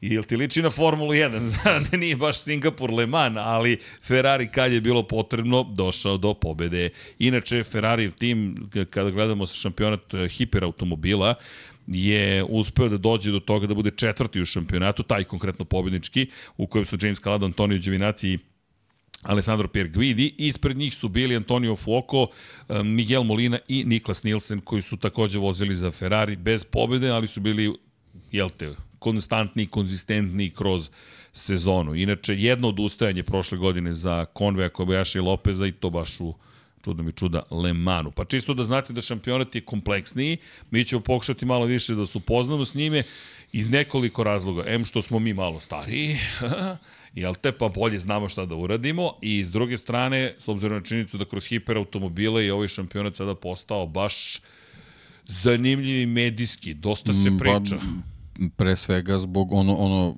prave suprotnost odnosno na verce. Ogroman broj proizvođača koji ulaze u, u hiper klasu, hiper, u klasu hiperautomobila i već ono o, taj neki emotivni naboj koji je, koji je stigao prošlogodišnjom pobedom Ferrarija na, na 24 sata Le Mana, ovaj, neminovno je doveo do toga da, da poraste interesovanje ovaj, pre svega za tu trku, a sad da li će porasti interesovanje za, za čitav šampionat, vidjet ćemo. Ovaj, generalno trke su u principu zanimljive ovaj, iz prostog razloga što možda i zbog tih samih uh, dužina samih trka i, i, i te, te, te neke tog nekog koncepta. Mislim da ove, ove godine ima dve trke više nego, nego što je bilo u kalendaru. Ovaj, mo, može da dovede do toga da, da, da zaista imamo različite pobednike što se tiče automobila i da, da ovaj sam šampionat bude, bude mnogo interesantniji. A generalno je zanimljiv za gledanje zato što su ovaj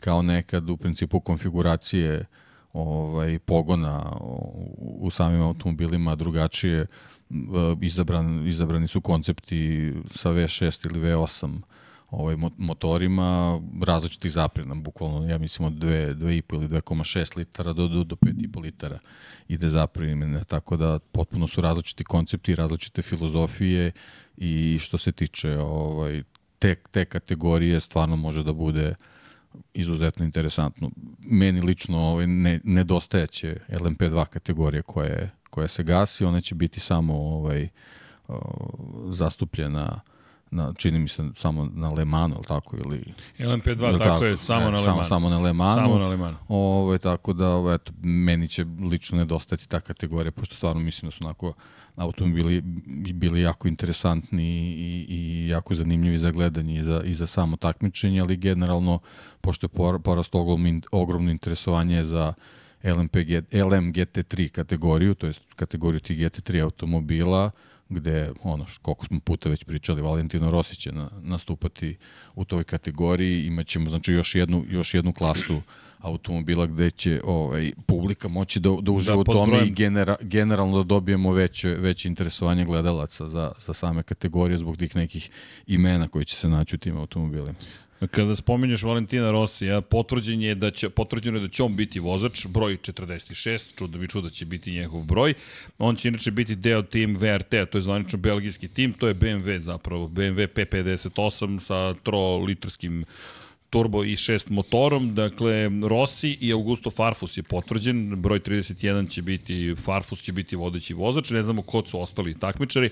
Inače, samo Dobro, da još je rano, mislim, generalno za, za sad u stvari kreće ta bitka za, za ostale vozače, zato što generalno ovaj, u svim tim kategorijama je jako važno između oslog u nekom trenutku pronaći vozača koji će doneti ovaj novac pre svega sponzorski kako bi generalno ekipa mogla da živi čitav šampionat. Tako da sad u stvari kreće kreće u stvari već već traje bitka ovaj vozača da se da se ovaj nađu nekom od sedišta u toj kategoriji i to je jedan jedna od zanimljivosti generalno tog šampionata zaista ovaj mnogo vozača pokušavaju da, da užive svoju karijeru ili generalno da je uspešno nastave time što će se naći u, u trkama izdržljivosti. Da, inače, samo da napomenemo kada je reč o Rosiju konkretno, on je vozač koji donosi pare, dakle koliko god vam to možda zvučalo smešno, ali Rossi obezbedio ugovore, Rossi nije najbrži vozač trenutno, nemojte misliti, nemoj, ja ga ne bih pocenio, ne, mislim da će on vremenom doći na jedan izuze, već je na visokom nivou, ali izuzetno visok nivo, koliko će to visok nivo biti, ne znam, teško je baš sesti u četvorotoč točkaš posle karijere od više decenije na dva točka i meriti se sa momcima i devojkama koji od bukvalno svoje 8. 9. ne izlaze iz kabine.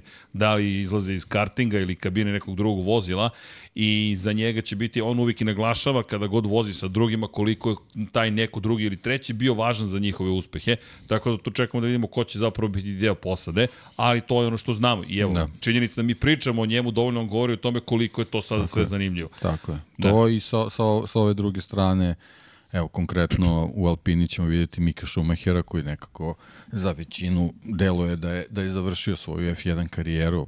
Nešto treba da se desi, verovatno u ovim drugim kategorijama, da se on ponovo vrati ovaj, u, u centar pažnje i da se, da se ovaj, možda ponovo aktualizuje taj njegov to njegovo, njegov povratak i njegovo mesto u Formuli 1, a takođe u, u Toyotinoj jednoj od posada imaćemo Nikade Vrisa čoveka koji je to isto neslavno završio svoj, svoj epizod u Formuli 1, tako da, ne znam, Jenson Button će evo, voziti evo, Porsche to, to Jotin kažem, zato što ovaj, je imao izuzetno zapažen nastup, pro, nastup prošle godine u, u NASCAR-u, tako da NASCAR nove generacije, ovaj, svi smo pričali o tome, tako da, eto, jednostavno te trke izdržljivosti stvarno ovaj, mogu da, da nekog vozača vrate u fokus, a i da njemu možda probude neku žicu iako misli da u penziji, da shvati, kaže čekaj pa možda ja mogu nešto i više da uradim ovde. Deki, ali ovo je fantazija, slušajte posad, inače ovo je Hertz Team Jota, ili Jota, ne znam sad kako tačno da ih pročitam, Porsche 963, zvanično, posada broj 38, hibrid, to je hiperautomobil, Jenson Button, Philip Hanson, Oliver Rasmussen. Pazi, Oliver Rasmussen, jedno vrlo ozbiljno ime.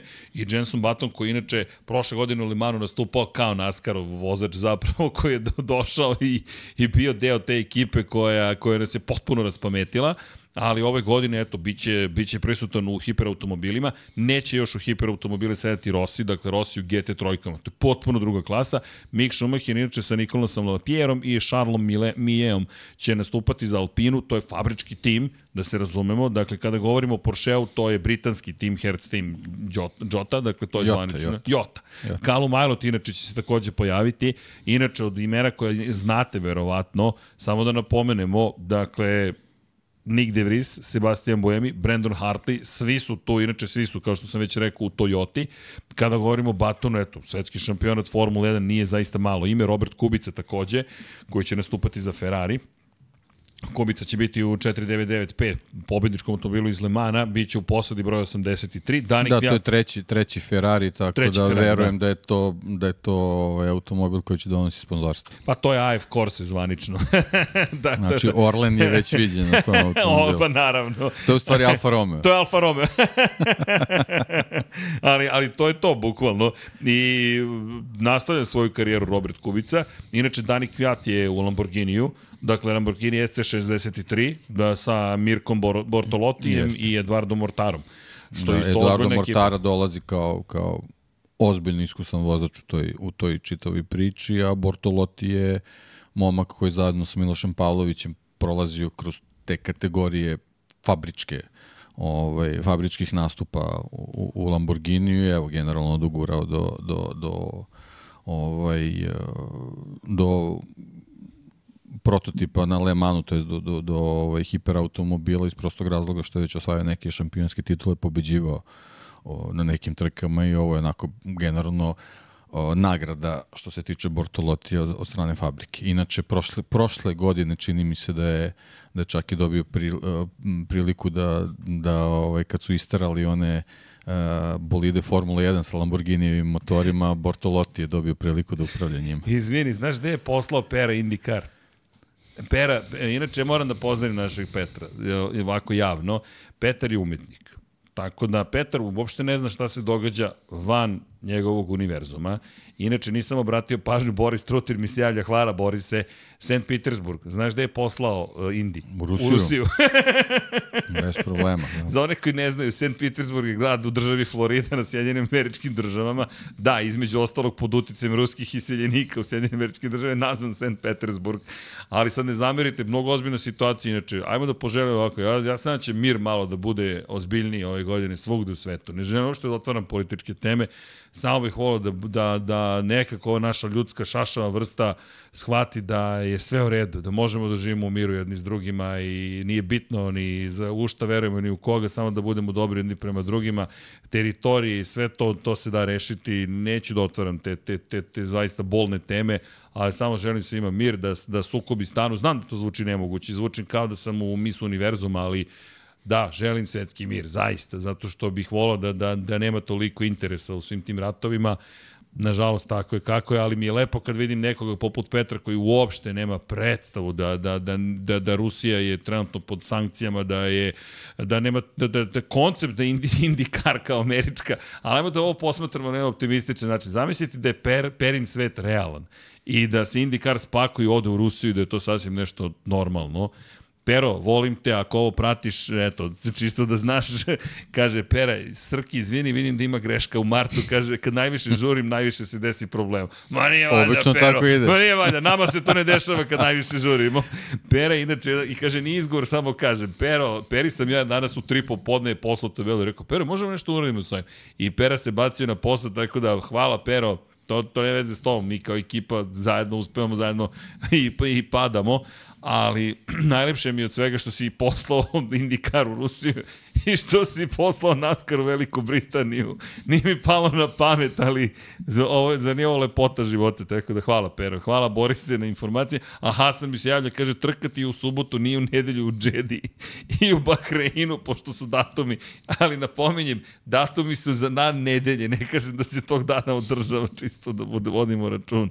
Trebalo da stavim napomena subota nekako, ali dobro. I da se vrati sad na ovo što si spominjao. Miloš Pavlović, deki, daj kako da Miloša, daj lep, daj, daj posadu 76 da napravimo, da Miloš nekako nađemo načina da bude u hiperautomobilima. Nije on za GT3. GT3, uz dužno poštavanje prema čeka Valentinu Rosiju, je neka druga kategorija. Miloš je vozio neke nestvarne stvari. I nema posade 76, samo da znaš. Eto. Tararara, tararara. Ne moramo sve trke, samo Le Mans. samo Le Mans. Da, da, samo to. Samo to. e da, inače, pogrešio sam, zaboravio sam da ove godine imamo i desetočasovnu trku. Katar 1812 km. Inače, to je u čast dana državnosti Katara. 18. decembar je u pitanju, zato se zove 1812, ali traje ograničenje 10 sati. Dakle, ovo kad kažemo 24 časa, 6 časova, 8 časova, to je ograničenje. Prvi krug posle tog sata koji se završi je moment kada se završava trka. Tako da, znate, inače ima mnogo lep naziv tamo u, u septembru, Lone Star Le Mans, tako se zove trka u Ostinu u Teksasu, jer Amerika mora da zvuči. Texas. Texas, ne znam, kao trka u, da, da, u Teksasu. Ne, Lone Star mora da bude i eto tako da znate će biti zanimljivo. Ovo je Staza zahtevne konfiguracije za ove automobile. Jeste, jeste i to smo mogli da vidimo već. Inače, da, rekao si, bit će trka više, e, prošle godine 7, ove godine 8 trka, e, počinjemo Lucilu, završamo u Bahreinu, ali eto želimo da vam spomenemo i šta se sve tu događa. Nije klasičan uvod, ovo je sad samo malo. Da, ni ne možemo, ne, jednostavno ne postoje još ovaj, potvrde oko tako. posada, mislim ovde, ovde se vidi poneka posada je kompletirana i od ovih trenutno koji imamo naj, najozbiljnije deluju, ne znam, Porscheova posada, Estre Lotter ili Levantora, onda ove dve posade Toyota, Toyota je onako ozbiljno prionula na posao, posao za ovu sezonu i već je saopštila posade, ovaj, što nije loše da, i da vozači jednostavno znaju da budu rasterećeni što se toga tiče, znači ne menja se nešto mnogo, Conway Kobayashi, De Vries, automobil broj 7, Buemi, Hartley, Hirakava, automobil broj 8, tako da ove tri posade koje sam naveo za sad ovako deluju naj, najozbiljnije. Čekamo da vidimo ovaj, Ferrarijeve ovaj, ostale vozače. Pretpostavljam da će biti ovaj, svi, svi momci koji su bili u, u pobedničkoj posadi ovaj, da će se naći i ove godine na Le Manu i, i ono, ovo je zanimljivo je da vidimo, na primjer, BMW kako će onda kompletira svoje dva automobila. Da, za one koje zanima, eto, dodatne informacije, dakle, koje ćemo imati zapravo u celoj ovoj priči e, klase, samo da napomenem, dakle, kada je reč o, o, o Le Manu, hiperautomobili, to je prva kategorija o kojoj se baš mnogo priča, LMGT3 i to je manje više to. To dakle, je to, da. to je to. Osim što će se u Le Manu, za trku Le Mana, pojaviti LMP2 kategorija, mi je mnogo volimo, jer ima posebnu draž, nažalost ovo je na neki način i kraj te kategorije, budimo realni, deki znamo i ti ja kako će ovo da se završi. Ne, ne, nema šta, to je već, već je To je to. Da tako, tako da, da bude. jednostavno ostajemo bez jedne klase koja je bila mnogo lepa, ali ako mogu neku... Pa kompenzacija ovaj veliki broj hiperautomobila, Jeste. iskreno. Pa i to što dobijamo neke zvezde u GT3 kategoriji, da, Rossi je jedan od najvećih, ali sa njim će doći i drugi, tako da to zanimljivo. Na ovim stazama gde, gde je i kraće, ovaj, kraće traje trka, naravno na Le Manu su ipak Ne, da kažemo, Le Mans ovaj, je ozbiljno. u drugom planu, da. posebno s ovim brojem hiperautomobila. Dakle, to nam je mart, počinje šampionat sveta u izdržljivosti, Safari, moja greška, 31. marta, dakle Safari, kada je reč o, o Indiju, nismo u Rusiji, St. Petersburg, nego smo na Floridi, e, u Americi smo ostajemo, u Americi 24. marta, kada je reč o nastavku Indikara, pored toga imate Las Vegas, Phoenix, to su sve već neke tradicionalne trke kada je reč o NASCAR-u, zatim Bristol, pa Circuit of the Americas, to će biti inače road course, dakle klasična staza i onda imamo na kraju marta, to jest marta imamo posetu Richmondu, čuvenom i možemo odmah da skočimo na april. Da imamo april, gde nam je preselio Pera koga? Birmingham isto je preselio u Veliku Britaniju i u Dover, neka, pero, samo ti seli ljude po svetu, to je lepo. Ali dobro. E sad, kada je reč o Formuli 1, a april započinjemo trkom u Japanu, to je promena ove godine, sa jesenjeg termina selimo se na prolećni, idemo i dalje u Suzuku, tu nema promena, ali prosto će biti u prvoj nedelji aprila i Kina se vraća na kalendar posle brojnih godina i problema, s obzirom na činjenicu da je bilo u jel te, dugom zatočeništvu COVID-a i da trku nismo imali ni 2020. ni 21. ni 22. ni 23. Deki, posle pet godina, eto nas ponovo u Šangaju, gotovo mi zvuči nestvarno da ćemo se vratiti na tu stazu, moram ti priznati da sam trke već zaboravio kako izgledaju. A staza koja uopšte nije naivna, ima onaj dugački pravac koji nije možda tako maštovit, ali onaj puž, puž skretanje, pa, pa izlaz, da, ali, ali pa pokazalo se više puta da je jako bitno kako ulaziš, to jest kako izlaziš iz, iz krivine na, na, na taj startni pravac, tako da ono, više puta smo rekli, takve neke staze ovaj, više su zanimljive vozačima nego publici. Ali, Ali nema veze, hajde, samo da se vratimo da, da bude trke tamo, pa ćemo da vidimo kako će to sve, sve da prođe. Da, u svakom slučaju, april meni deluje vrlo lepo, moram da ti priznam. Evo, kada pogledamo... April proleće, pa biće valjda lepo. Ali vidi, baš je nekako ispunjen kalendar. Kada pogledamo, Kina nam je tu, tu nam je Imola za svetski šampionat izdržljivosti, dakle nam se, pre svega nam se neće ti nigde poplava, mada već počinje situacija dramatična i na našim prostorima, tako da ljudi kogod je u tim plavnim područjima, mi, ja vam želim da bude mirno. Japan je inače pogodio težak zemljotres, juče baš, baš je bilo neprijatno upozorenje na tsunami, nije srećem ta snage koje je bio, ono je od pre desetak godina malo više, ali scene koje dolaze iz Japana vrlo dramatične, zemlja koja je nažalost navikla na na takvu tu vrstu situacija i nadam se da, da će biti mirno. I kada je reč o Imoli, sećamo se prošle godine, Formula 1 je bila otkazana, trka bila otkazana, nadamo se da će biti sve ovoga puta dobro. I kao što smo najavili, svetski šampionat u reliju stiže u Hrvatsku i morate pristati se baš radujem, ne, nikako da odem na, na reli, svaki put ili Formula 1 ili nešto drugo. I ove godine je takva situacija.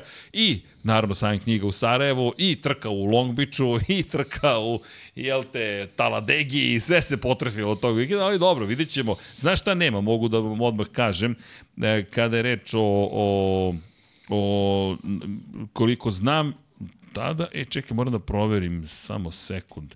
Perica mi je sakrio ovde redove za MotoGP, pa, pa nisam siguran da ne kažem da nema ničega u MotoGP, onda da se desi nešto. Šta je to, 21. april. Nema trke u MotoGP-u, pauza je. Ali ima trka u to vreme. Nismo mogli sve da spakujemo baš u jedan kalendar.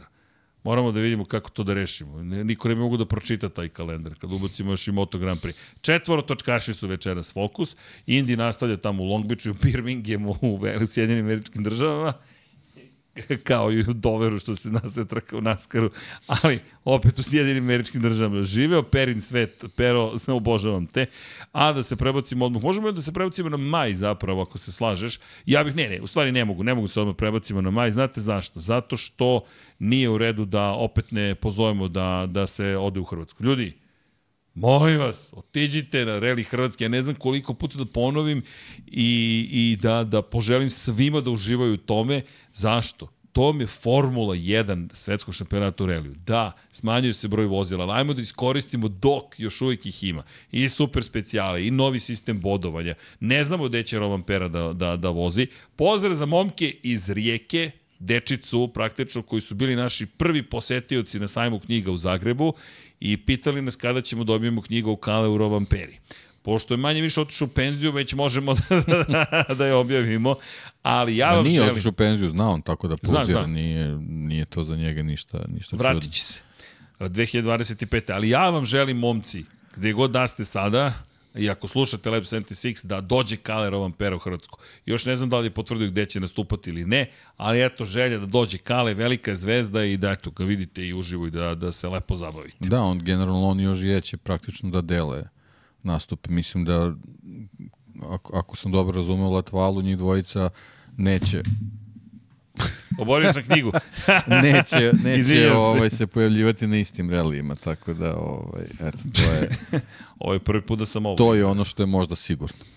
E, Deki, samo nastavi, e, nešto sam još srušio. Nisi, nisi, sve, sve je na broju, baš što se tiče stola, jedino ne znam dole šta si, šta si ispod stola uradio. Evo ovako, dobro, može. Samo da zateknemo ovo ovde. Evo to je, to je to. Nešto sam Evo, uradio. ma nema veze, sve to. Dobro. Pozovi ljude, molim te, još negde. A ideš, idem, ideš da, ispod idem. stola, ajde. Pa ne, mislim to kao što si rekao, stvarno, ovaj, hrvatski reli je pre svega zbog, zbog toliko odziva publike ovaj, bio onako prijatno iznenađenje kad se pojavio pojavio u kalendaru i generalno nastavlja se ovaj uh, sa tim sa tim trendom tako da ja verujem da će da će i ove godine biti ovaj veliki broj publike tamo. Ovaj eto imali smo prošle godine nažalost ta, tu je taj tu jednu nesrećnu situaciju ovaj i, i pogibiju Craiga Brina ovaj tokom testiranja ovaj još jedan dokaz koliko je ovaj generalno automobilski sport opasan ovaj ali ali eto nije koliko god je ovaj bitno sećanje i uspomene na Krega Brina ovaj to nisu stvari koje će koje jedno, jednostavno odbiti publiku da, da, da se ponovo nađu ovaj Pa to je na, na, na tim putevima i da se divi tim, tim stvarno majstorima volane, vreli vozači zaista ovaj, njihova disciplina je jedna od, od najzahtevnijih, ako ne možda i najzahtevnija, ovaj, posebno kad se tiče nekih profila relije, tako da stvarno ovaj, treba, svako ko ima priliku treba da, da, da iskoristi, da pokuša da, da dođe na lice mesta i uživo vidi u stvari kako, kako to izgleda.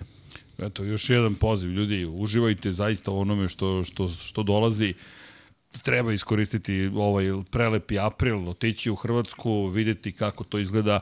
A, kada je reč o generalno događajima uživo, rekli smo da ćemo vam dati preporuke, nismo još stigli na mesta koje bismo vam preporučili. Nije da vam ne bismo preporučili da odete u Bahrein ili Saudijsku Arabiju ili u Kinu ili u Australiju, Japan, ali se nešto čini da možda nije najrealniji poziv da vam kažemo da idete na te trke. Možda je, ima nekih bližih malo trka, pa ćemo zato se više fokusirati na neke evropske staze, ali ne bez brige. Imamo neke naše ideje šta treba posetiti. Prebacit se sada na Maj, vidi ga Maj, deki, počinje se zahuktava situacija, opa, nisam uradio jednu bitnu stvar, da li, će, da li ću moći uživo, gle sad ovo. Da li će magija da učini svoje, transform i fit to screen. Opa! Ali ne, vratio sam Japan. E, da, mislim da sam pogrešio u onome što je trebalo zapravo da učinim. Ali dobro... e, Ništa, ide na jun, pa vrati maj. Misliš da će tako da se sredi Pa situacija? A, evo, a, sram te bilo. Ali dobro. dobro, Miami, sprint 5. maja 2024. Ovo je prvi sprint u sezoni. I to u Majamiju, ajde, možda će biti zanimljivo. Mislim da pokušavaju Miami da nekako žive. I Ma ne da samo ga... Miami, generalno, ta, ta čitava priča ovaj, oko tih američkih trka više, više ide na, na organizaciju spektakla nego na, na, na samo trkanje, tako da, ovaj, ne znam, neke stvari koje se na silu radi onako veštački nikad nisu ovaj, dale dobre, dobre rezultate, ali ajde da se nadamo čisto zbog, zbog dobrobiti Formule 1 da će, da će ovo biti, biti dobar recept, vidjet ćemo. Znači, praktično imaćemo, ovaj, iako ja ne volim kažem da je sprint trka, ali ajde, nek, neka bude, ovaj, mi praktično do, do dolaska u Evropu imaćemo tih sedam trka i tek sa, sa tom imolom, je li tako? Da, Imamo da, Emilija 19. Romagna, maja, 19. maja, ovaj, ćemo zapravo imati taj pravi neki početak sezone kako je nekad to tradicionalno bilo. Da, pa pogledaj nedelju pre toga. Spa je u svetskom šampionatu izdržljivosti, što je velika trka i to nam je jedan od većih priprema za Le Mans. Vrlo zahtevna staza, Jeste. tu se često kvare automobili, nije lako triumfovati. Zaista mislim da će to biti velika trka Isto važi i za šampiona sveta u reliju. Portugal. U reliju, da, bit će spektakl, on očekujem bar jedno tri specijalne ispita će biti otkazane, tako da, zbog, zbog publike na stazi. da, da, da, publika. E da, da to je da, da zanimljivo. Da, Portugal još uvek živi u nekom drugom vremenu po tom pitanju. Da. E, kako to tebi generalno izgleda kada, kada meni, ja morate priznati da, da, zastrašujuće, ali s druge strane to mi je nekako reli. Pa to je reli, to je, to je čar toga i to je, eto još jedna prilika da, da, da i Portugalci pokažu koliko vole generalno automobilski sport, tako da ovaj, to je nekako sastavni deo tog relija. Ja to ne vidim drugačije, niti ga gledam nešto negativno ili ne znam kako. Mislim, samo, naravno, najvažnije da sve prođe što, ovaj, što bezbednije, ali organizatori više u takvim situacijama ne rizikuju nego i na, na samu naznaku da, da može da bude neka gužva oko specijalnog ispita, on se otkazuje i i sele se na sledeću lokaciju. Ne treba ti tužba, bilo kakva u, u ovom trutku. I ne samo to, ljudski život naravno da je najvažniji, ali generalno kada pričamo o situacijama s kojima se susrećemo, nekako je reli i dalje zadržao tu dozu čujte, to je, to je bizarno izjaviti. Kad pogledate grupu B i kako su izgledale trke, zaista vam deluje kao da je to nemoguće da se dešavalo na planeti Zemlji. E, toliko da budete blizu vozila koje su toliko opasna i da nikome to suštinski ne smeta, na ta, to je da smeta, ali nekako to je deo stvarnosti. Više sam za bezbednost svakako, ali takođe postoji ta neka doza, moram priznati, fasciniranosti brzinom i time da budeš tako blizu, da možeš da pipneš brzinu nekako. To je ono što smo pričali kada je reč o Monaku i kada je reč o fotografisanju Monaku, taj osjećaj brzine i taj moment kada šu, samo nešto proleti ispred tebe, to mi je nekako, to, to, to, to Portugal svakako to nekako, moje mišljenje da je, da je uspeo i dalje da zadrži. Šta se tako zagonetno smeškaš? Jednom neko nešto ne, ne, ne, rekao ti je zabavno. To što priča, da, da. Pipi, dodirni da. brzinu, znaš, da, da. meni je to, to je to, ta fascinacija i nekako ta ubiđenost, ništa se loše neće desiti, jer to je reali, dok se ne desi loše, naravno, ali si, ali nekako to ubeđenje je uvek, pa nemoguće da se ovo dešava, ne, kako, je, kako se to desilo. Ali, ok, držimo, svakako, navijamo palčeve da, da, da će biti ok, ali činjenica da smo u Portugalu, Sonsio, inače u Indiju, Darlington, ne u Velikoj Britaniji, jel te, kao što smo rekli u Naskaru, imamo Da, Darko je, Darko nas Posleći, to smo i zaboravili. Da. Kini je prvi sprint. E da, u Kini je sprint. ja mi je drugi sprint. da, da, ajmo da vratimo, čekaj, čekaj, da. čekaj. Da, to smo i rekli, ali smo preskočili. dobro, godine. Ko će sve da zapamti? Ko će sve, pa piše, ali dobro. e, da, ja mislim, istog su mišljenja, da Kini moraš da daš nešto, neku zabavu.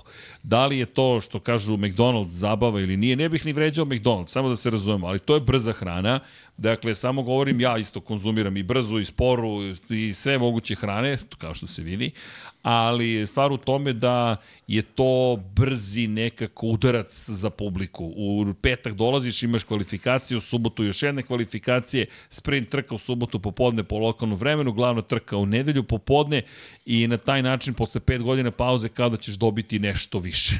Je to tvoj utisak? Pa, mislim da je to i mislim da je ovaj, generalno uh, dobra inspiracija sama ta konfiguracija stazu u Kini, jer, jer ovaj, ja iskreno što se tiče tog sprinta tamo stvarno bih voleo da vidim ovaj, taj prvi krug kad, kad su još u, u formaciji kako će izgledati taj izlazak na, na taj dugački pravac, a posebno kako će izgledati formiranje da kažemo kolone pred ulazak u krivinu posle pravca, tako da on, on, on u desno onako uh, onaj lakat praktično koji je više puta pokazao u raznim kategorijama da, da je ovaj, prilično zahtevan i da vrlo često dolaze ovaj, dolazi do kontakta čak i kad su vozači jedan na jedan, a kamoli kad su u nekoj većoj grupi, tako da sve to može da bude da bude jako interesantno i zbog toga ovaj, mislim da, da Kina može da bude dobra, dobra loka, lokacija za, za sprint, ali naravno ne, ne, ne mora ništa da znači ovaj, pre svega zbog te situacije gde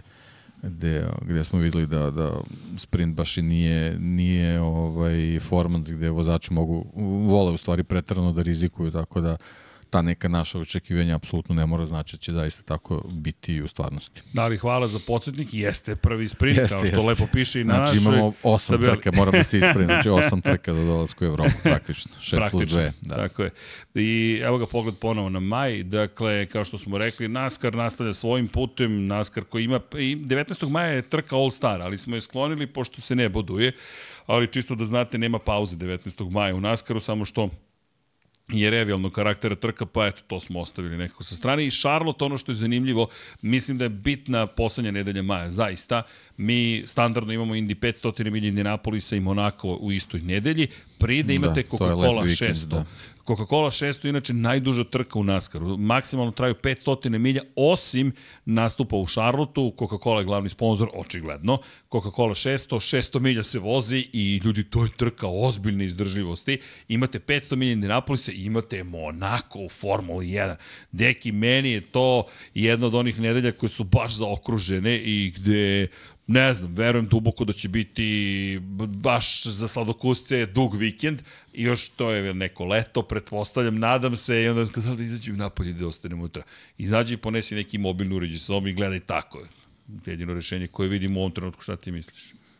Ne volim tako, ali ako bude moralo, tako će. Ali vidi, ima baš lepih stvari. Inače, kada govorimo o Indiju, nismo spomenuli IndyCar nekako, nismo mu posvetili ni, ni sekund, samo bih kratko da iskoristim, pošto 500 milija Indianapolis se to zaslužuje.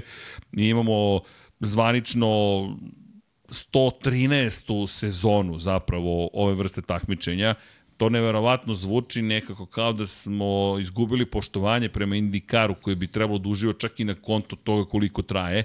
Inače, to je 113. zvanična sezona zapravo trkanja jednoseda u Americi, ako tako mogu da se izrazim kada govorimo o IndyCar seriji, 29. u njenoj istoriji, ali ono što je bitno, ovo je 108. izdanje Indianapolisa, 500 milijuna Indianapolisa, deki 108. izdanje. Mi pričamo ovde o trci koja je jedinstvena u svetu i dan danas, I sve ovo ostalo je nekako kao u trkama izdržljivosti, šampionatu sveta izdržljivosti. Sve se fokusira na Le Mans, ovde se sve fokusira na 500 milija Indianapolisa.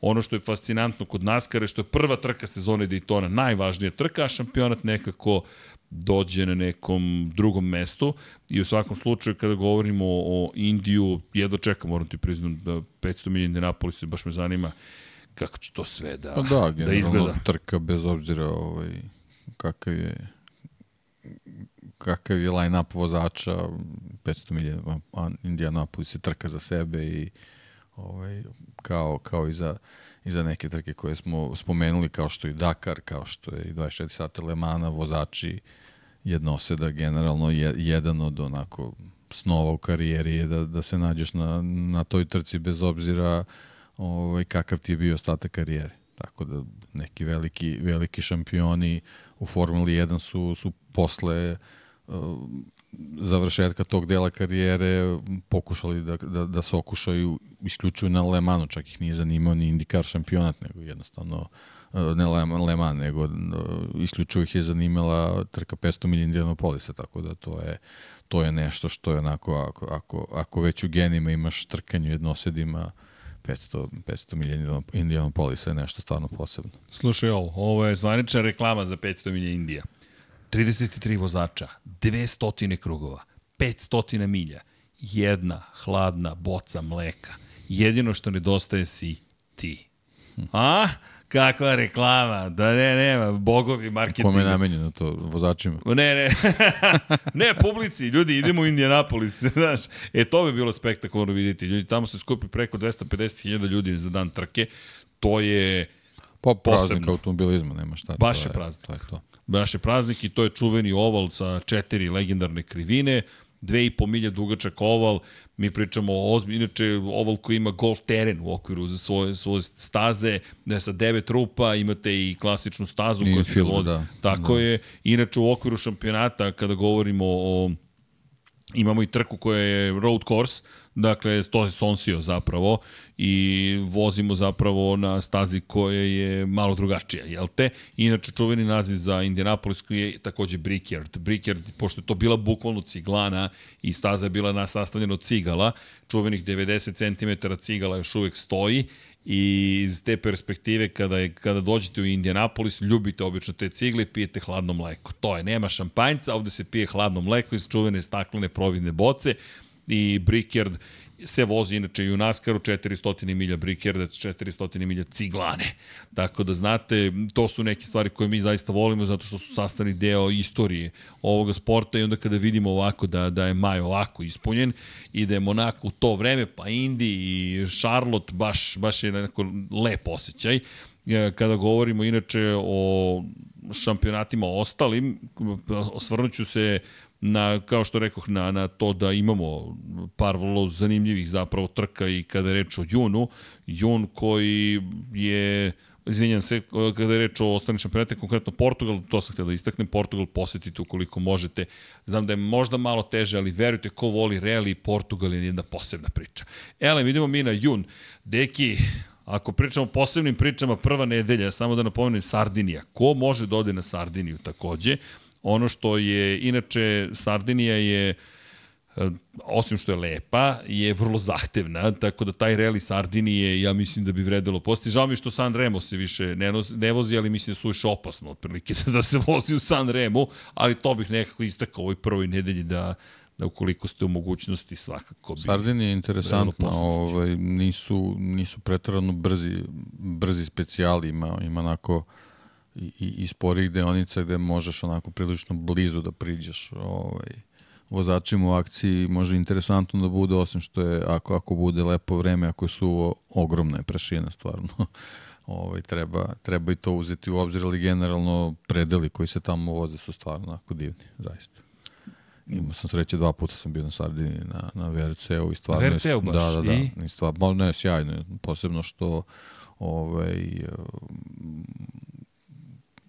servisne, servisne zone su u Luci, jako su pristupačne, velike su, mogući su ono kontakti sa vozačima koji su onako baš baš generalno ljubazni, to smo već pričali, tako da stvarno ovaj, ko voli VRC, a ima mogućnost da ode na Sardiniju, ono, 95% će se vratiti sa autogramom ili, ili fotografijom sa vozačem i ovaj, meni se čak desilo kada smo išli između nekih, nekih ovaj, specijalnih ispita, zaustavili smo se čisto da napravimo pauzu da vidimo ovaj, gde bismo, šta bismo, kad odjednom dolazi jedan Citroen, dolazi ovaj, još jedan, izlaze Loeb, izlazi Petar Solberg, izlazi, staju tu s nama, ovaj, tako da bilo je onako interesantno, malo, malo proćeskaš s njima, pošto ovaj, da ne bi prerano došli do, do vremenske kontrole, malo se zustave, odmore, mala nužda i nastavak dalje.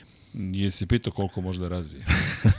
ne, iskoristio sam malo da, da fotografišem ovaj automobil i ovaj, da, da smo znali da će ići na, na tu stranu priču, treba sam da ponesem fotografije. Mislim, baš interesantno, što ono, staneš kod jednom VRC automobili staju za tebe.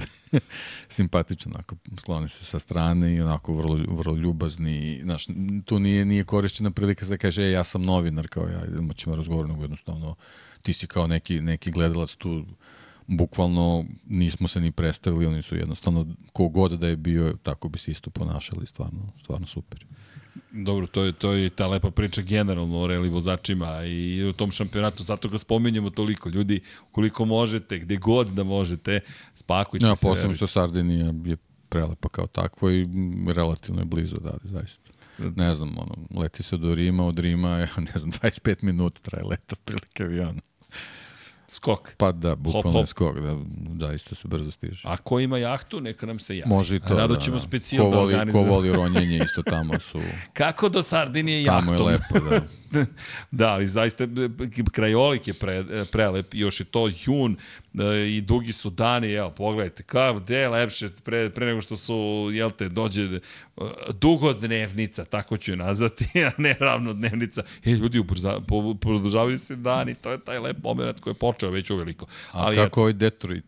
Ne znam kako sam, ja sam to pogrešio, izgleda sam duplirao Detroit dva puta moram priznati da sad proveravam baš kako sam Detroit spakovao dva puta, da je možda i jeste tako, ali da ja ne znam. E, ovo smo trebali da nazovemo interesantan kalendar četvorotočkaš. Ne, ovo je, a ne, i, uh, ne znam zašto sam tu napisao Detroit kada je Illinois zapravo u pitanju, Madison u Illinoisu. Ne znam kako je upao. NASCAR, da. Verovatno sam pogrešio kada sam kucao sad ćemo to da ili noise, da to izmenimo za, za, za, za društvene mreže kada bude došao moment. Ali da, ja sam pogrešio tu. Pero, hvala, sorry, izvini što sam te dezavuisao. E, ali sledeća nedelja velika nagrada Kanade, tradicionalno lepa trka u Formuli 1, Road America i Sonoma u Indikaru, to jest NASCARu, i onda 16. jun, nema trke Formula 1 i ima poklapanje s Moto Grand Prix, ali kažem, to ćemo sutra malo više dobradimo, malo više, mnogo više. Le Mans, deki, 101. izdanje Le Mans, to je 101 godina od kada je organizovana prva trka, nije 101. izdanje i moram priznati da iskreno jedva čekam. Baš nekako ove godine sam, ne znam zašto, posebno raspoložen za, Indika, za Aleman. Pa kažem, veliki broj hiperautomobila stvarno najavljuje da možda bude jako interesantno. Baš mi deluje da će biti moment da se ode u Francusku. Lamborghini, povratak nekih ovaj, koji su prošle godine pokazali da mogu da budu mnogo brzi, dolazak BMW-a stvarno može da bude jako interesantno posebno što niko od njih ne dolazi, sve, sve te velike kompanije ne dolaze tu da, da budu debitanti ovaj, na početku. Peugeot koji ima na jako interesantan koncept bez, bez spoilera, ovaj, sad su, procurile su neke fotografije, ipak su na nekim, nekim zimskim testiranjima svojim ovaj, testirali bolid koji ima ovaj, stabilizator pozadi, tako da ovaj, i oni se ozbiljno pripremaju, tako da vidjet ćemo, vidjet ćemo koji koncept u stvari je onako pobednički da da bi bio što što ovaj pre svega motor pouzdaniji, a sa druge strane ovaj ko je napravio automobil da može da da da bude na što manje ovaj odlazaka ovaj, na, dolivanje goriva. Dobro, neki, dakle, trljamo ruke, pozivamo vas takođe. Još jedna preporuka, ako možete, Le Mans, ljudi, znam da sad počinjem preporučujem sve, ali iskreno, ovo su neki vrlo važni momenti, zato smo mi želeli kalendar da prođemo na ovaj način. Da ne bude samo, e, kalendar drrrr, ne, nego nova godina, neke nove stvari da uradimo. A dobro, ja ono, da. Vezano za preporuke, to sam i ranije govorio. Mislim, ja u principu i kad se putuje negde, uvek bacaš pogled na kalendar da vidiš u, u blizini gde si, šta se dešava, koji god da je ovaj, sport vezano za auto ili moto i koja god je disciplina, ovaj, sve je zaista lepo ovaj, videti, tako da ko ima prilike apsolutno bilo šta što je vezano za, za, za neki svetski, pa čak i evropski šampionat, evropski Le Mans je jako interesantan da se gleda, tu su neki neki budući, buduće zvezde to, tog šampionata se nalaze tu i generalno se tu nalazi vozači koji moraju da skupe kilometre da bi mogli da dobiju licencu da voze 24 časa Le Mans, tako da te trke mogu da budu interesantne, relativno nije skupo, neki su čak imaju besplatan ulaz, tako da čisto proguglajte, pronađite bilo šta ovaj, da, da, da, da vas zainteresuje, ovaj, treba posetiti i možda, možda eto, pronađete nešto što vas i, i zanima, pa počnete da pratite nešto novo.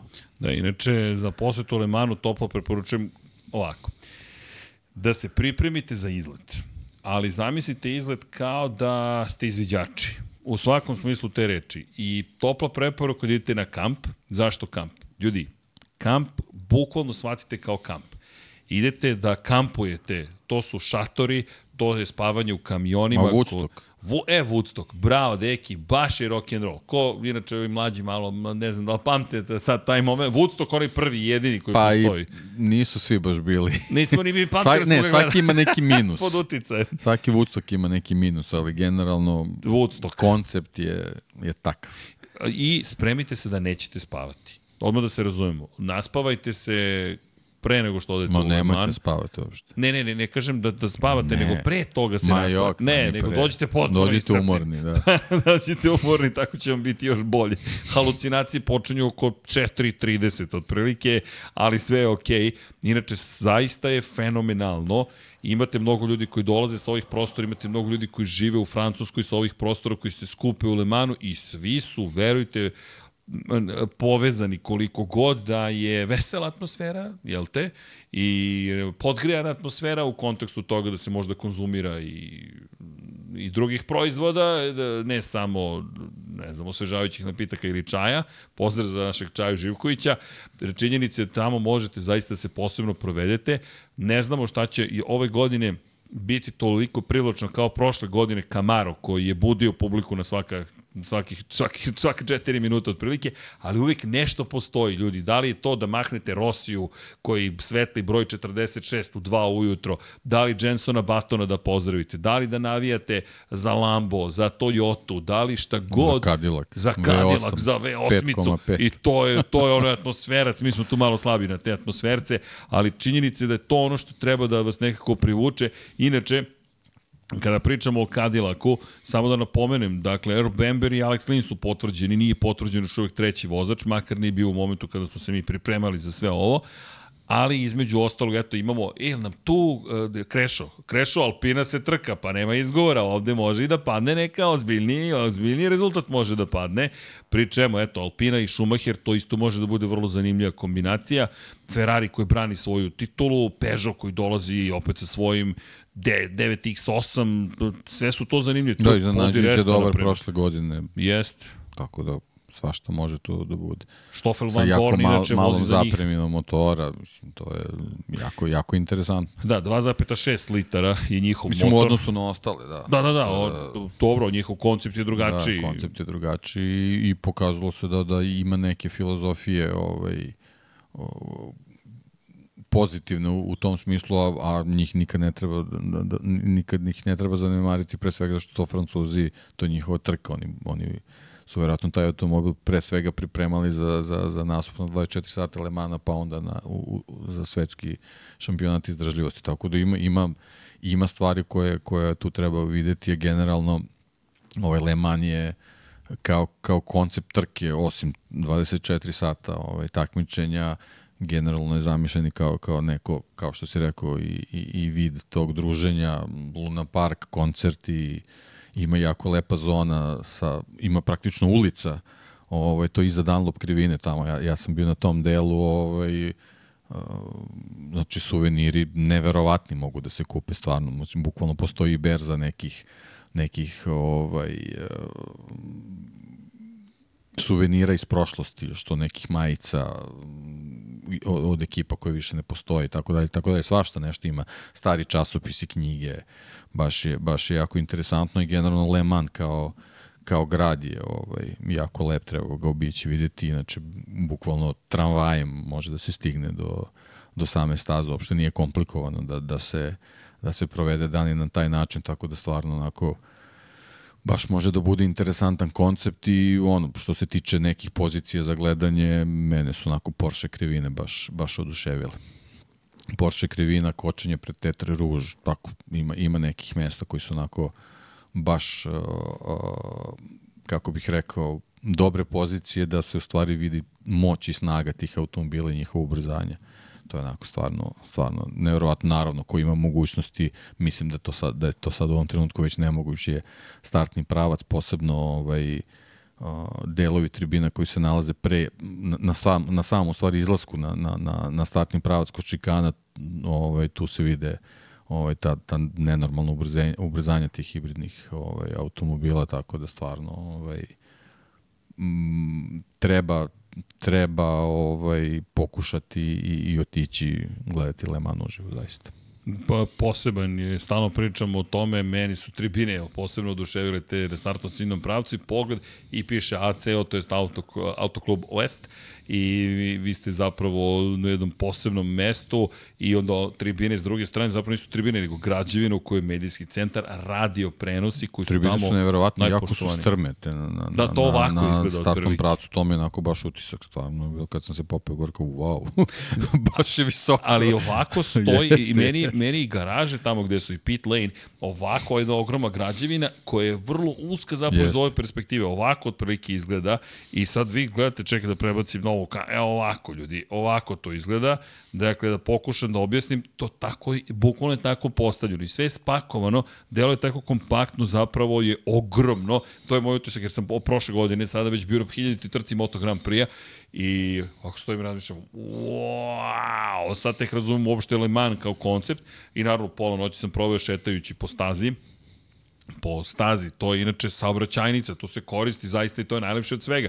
Imate autobusku stanicu tamo gde zapravo imate šikane, da. jer ljudi se tu idu na posao, prolaze, autoservisi su tu, Da, inače, saloni. inače ta Grand Prix, ta Bugatti staza se vozi ovaj, Moto Grand Prix, da. kad se, kad se siđe sa, sa Lesart staze. Jeste. Ovaj, taj deo se koristi kao prilazni putevi i kao mesto za Za parking šlepera. kamiona, Tako dakle, da jednostavno ne vidiš Bugatti stazu praktično. Da, Bugatti staza dođe kao bukvalno servisni put, lepo Da, si da, rekao. da. Ali ona je zatvorena inače, Bugatti staza nije otvorena, to je baš staza, namenska Tako je. staza, ali se za 24 časa Lemana koristi u neke druge svrhe i onda je mnogo lepo, e, plavi kamp, crveni kamp, sve to posetite i ovo što je Deki spomenuo, Leman je čuven po svojim tramvajima zapravo između ostalog i zaista je blizu i kad se izgubiš kao ja, možeš i peške da stigneš, pa vidim, ni bilo je neminovno da se izgubim jer sam ja krenuo da lutam nekim svojim i onda shvatiš koje su Pa to razdaljine. stadion ti orijentira.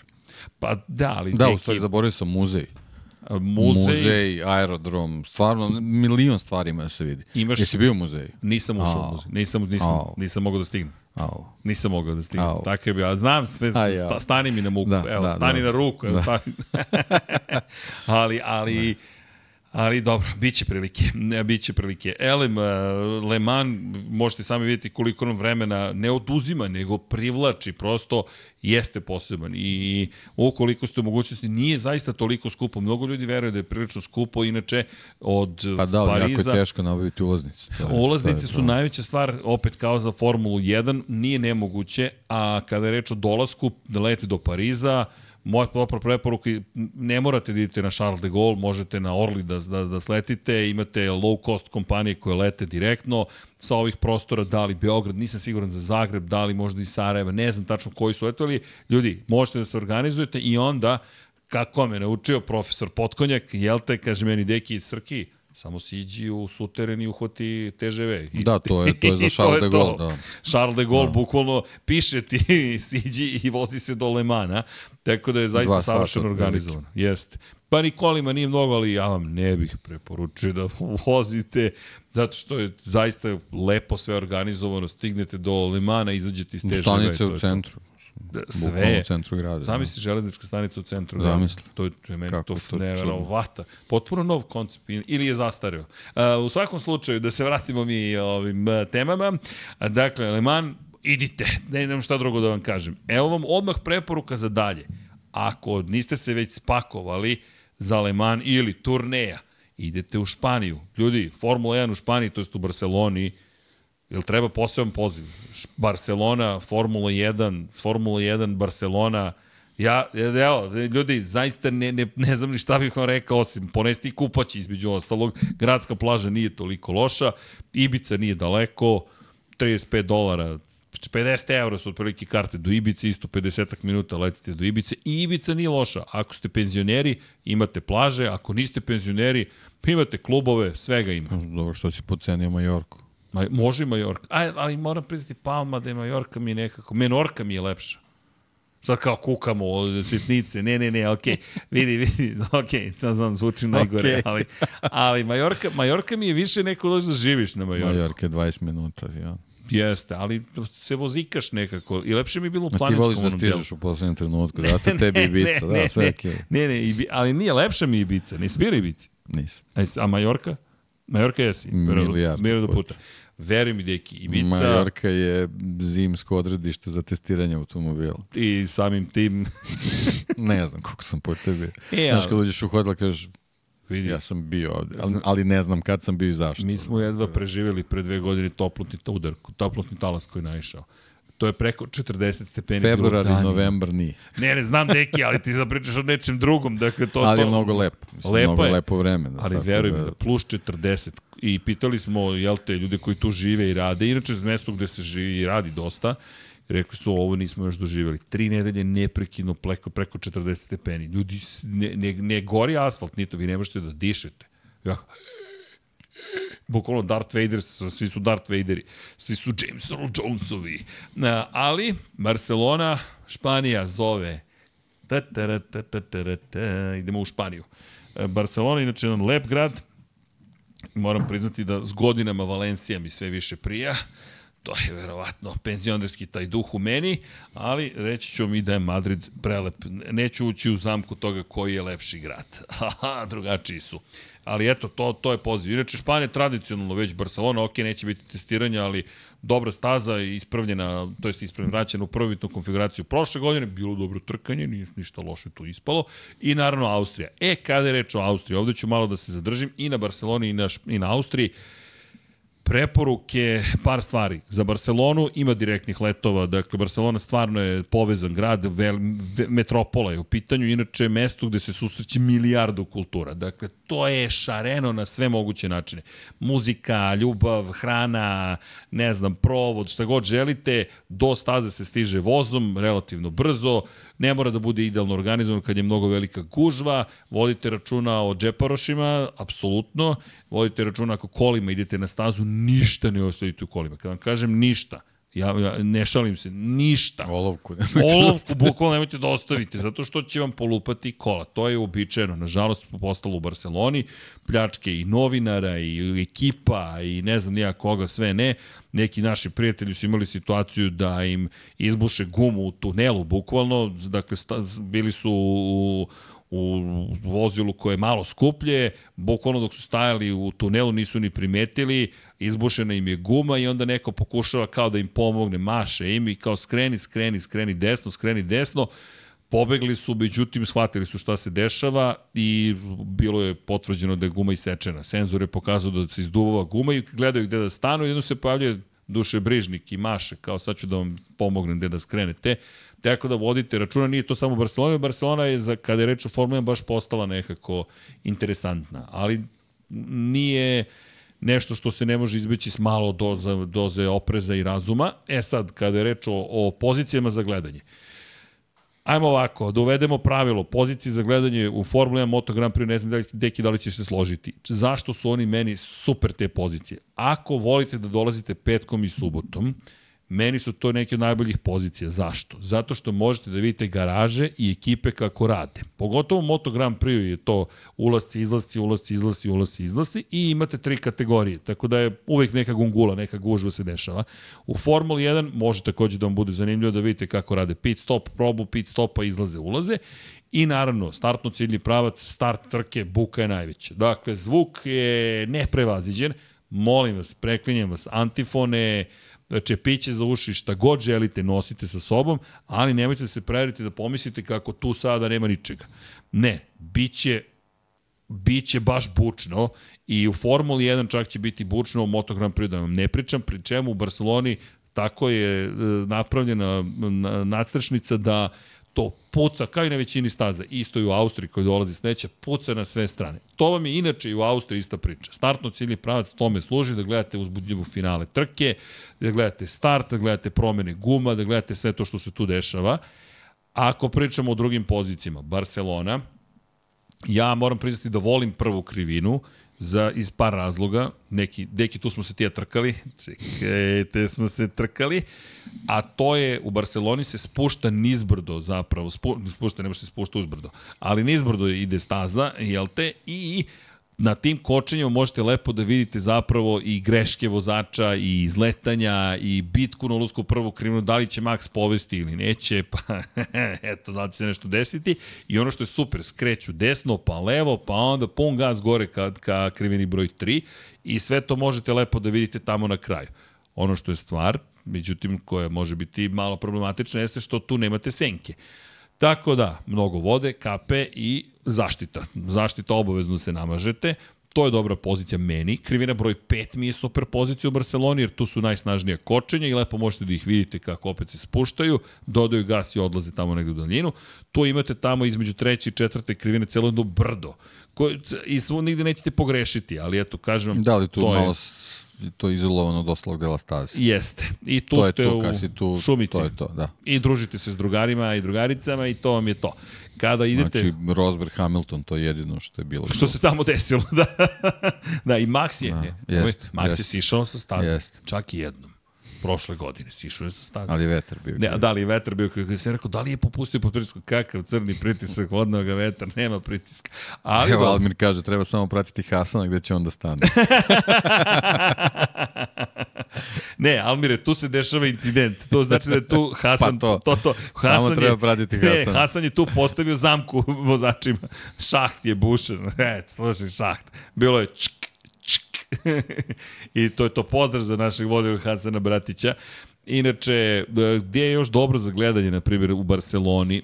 Dobro, čujte, sve to lepo, ali na prilasku krivini broj 9 imate brdo iznad devete krivine gde je mali parkić. Tu samo da znate, mesta brzo nestaju, ali tu možete lepo da gledate jer opet imate lep pogled niz brdo, niz celu tu, ce- ce- ceo deo staze i čak nazirete ispod u podnožju startno ciljni pravac. Lepo je tu vidjeti, dobar je hlad, imate klupice, toaleti su blizu, g- za Moto Grand Prix ko ode, Monster tamo postavi svoj rig, pa imate i žurke, ne znam kao šta, šta rade za Formulu 1, i tu je ta krivina broj 9 koja je mnogo brza krivina jer se približavate i onom drugom pravcu gde je DRS zona, tako da je to lepo i onda imate one klubove navijačke gore, krivina 11, 12, 13, 14, 14. poslednja je zanimljiva iz perspektive toga kojom se brzinu sada spuštaju i prolaze kroz krivinu. I ako to želite da doživite, to stvarno to zaista nije loše. Ko voli te klubove navijačke, 11. 12. 13. lep je pogled. Barcelona je baš lepo napravljena. Možete tu puno toga da vidite u poslednjem delu staze. Deseta krivina snažno kočenje, pa se skreće desno, pa se ide, pa se spušta na dole. To su lepi delovi. Da, inače Carlos Sainz senior, koji će ove godine voziti Dakar, Da. je učestvovao u konstrukciji ovaj, izgleda profila staze. I to vam je još jedna... Po... Inače čovjek koji zaista obožava trkanje. Dakle, na stranu sve ostalo čovjek koji si dan danas takmiči, čovjek koji dan danas uživa i onome što radi njegov sin, junior u Ferrariju, zaista dubog trag ostavio inače u automotosportu dvostruki šampion sveta u reliju. E, Barcelona. I da se dotaknem Austrije, topla preporuka da odete u Austriju. Zašto? Ljudi, sve je dobro organizovano. Vrlo je jednostavno lepo je vreme, obično čak i da padne kiša, to je deo zabave sporta, prilagodite se, naviknite se, pripremite se. Slične su preporuke kao za Barcelonu za, za gledanje. Startno ciljni pravac, da ga ne ponavljamo.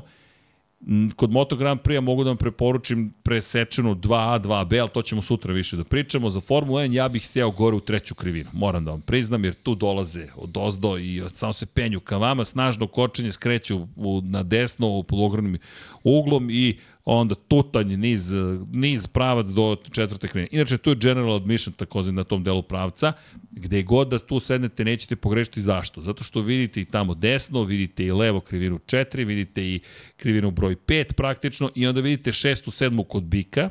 Kod Bika, inače, ako nađete karte kod Bika, vi ste najveći navijač Maxa Verstappena ikada, pošto mislim da to kupljeno na 30 godina otprilike i tamo su naranđaste tribine njegovih navijača, ali su tu dobre dve krivine, lepo to izgleda i lepo je zapratiti.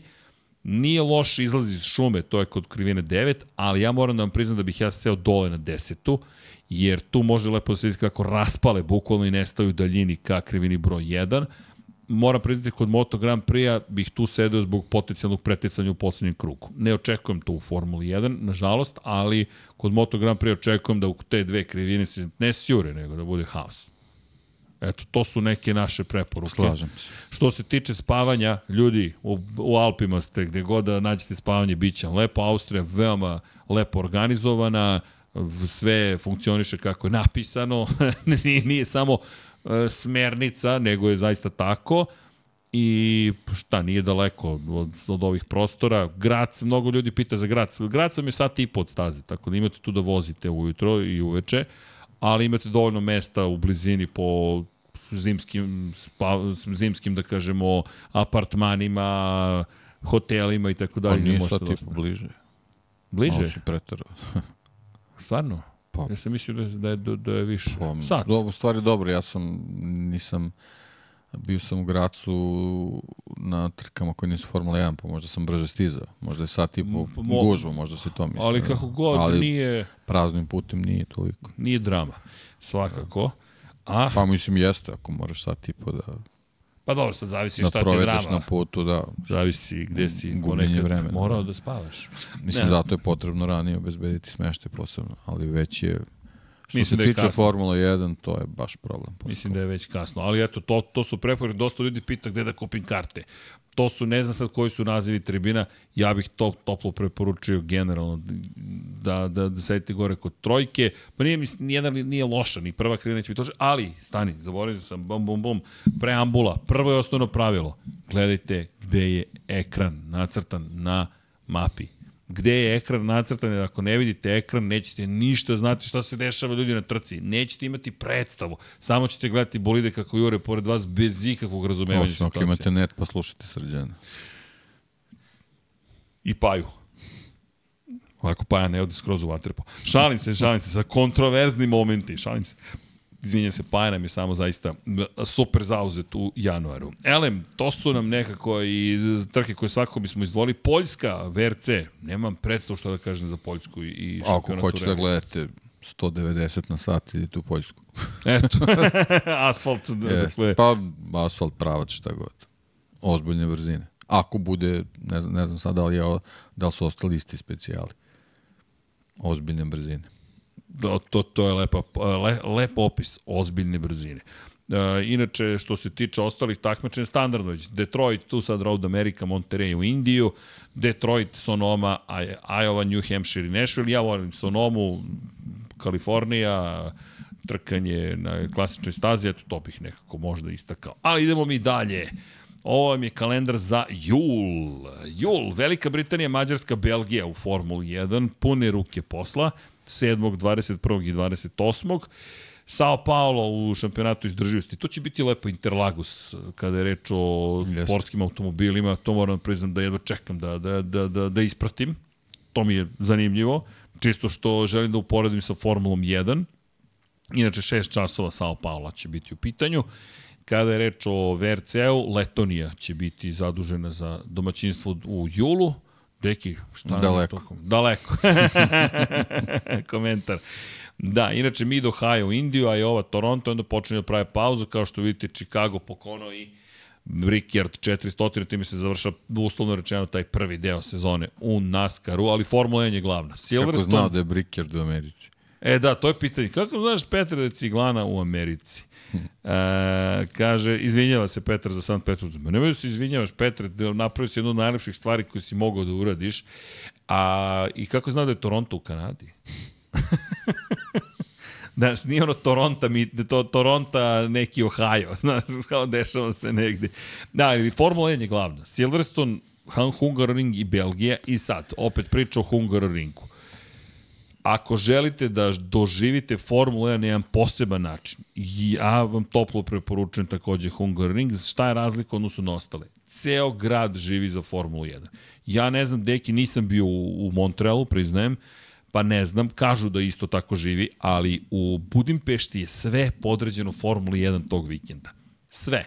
Imate, to smo pričali prošle godine, kada sleću na privatne aerodrome vozači, odvojen deo gde se potpisuju, hoteli se znaju gde će odsesti, to više niko ne krije, nego se pravi bukvalno doček za vozače, potpisivanje, prolaze kolima, vrlo je prijateljska atmosfera, prelep grad, prelepa hrana, gostoprinstvo na izuzetno visokom nivou, staza relativno lako se stiže do staze, relativno, bukvalno ovo ste pravo otprilike, ako mogu to tako da opišem. E, što se tiče parkinga, tu ćemo se posebno pozabaviti kada se približi taj period, jer tu čekamo nove izveštaje svih vas koji ste bili na trci prošle godine, da saznamo gde je najbolje za parking, kako najbolje stići. Ono što je mnogo vas pitalo jeste z, po, povodom General Admission. Ljudi, General Admission je mesto gde morate se izboriti za svoju poziciju.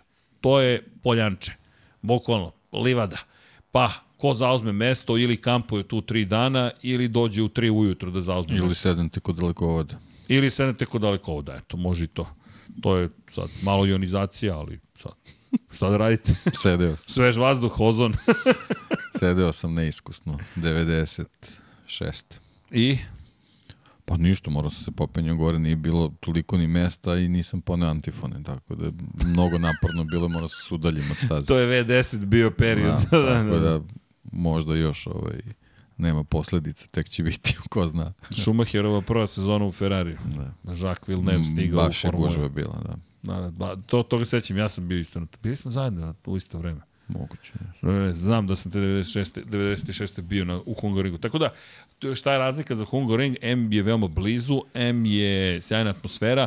Što se tiče pozicije za gledanje, Uh, um, um, startno ciljni pravac smo opisali, gde bih ja možda... Pa, gore šikana. Da, gore šikana svakako. Ja gledam sa pozicije tribine. Da, 12. krivina meni isto Jest, lepa. to je, to je okej, okay, zašto ima malo veći segment se može da se ugleda. Sad u stvari ne znam, sad se, tamo su se izgradile neke tribine, sad nisam ni siguran Da, kako ti izgleda. Ovaj, ajde to da proverimo onda, ali ovako napamet 12. Ali krivina. Tu može da malo veći segment da se vidi.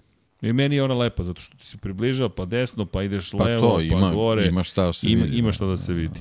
Tako da bi to bilo prepogled 11, onda se ono brzo. Da, šikane šikane, šikane je da. dobra. Šikana je dobra jer tu čak ima pokušaja preticanja. Ono Jedno što je što su super. spori, mislim. Eto sad neko ako hoće, ako nije bio, ako mu treba Da. utisak brzine, nije baš to mesto za Ne, to. to je više za kočenje i za promene smera kretanja i ono što je lepo, možete da ih lepo fotkate.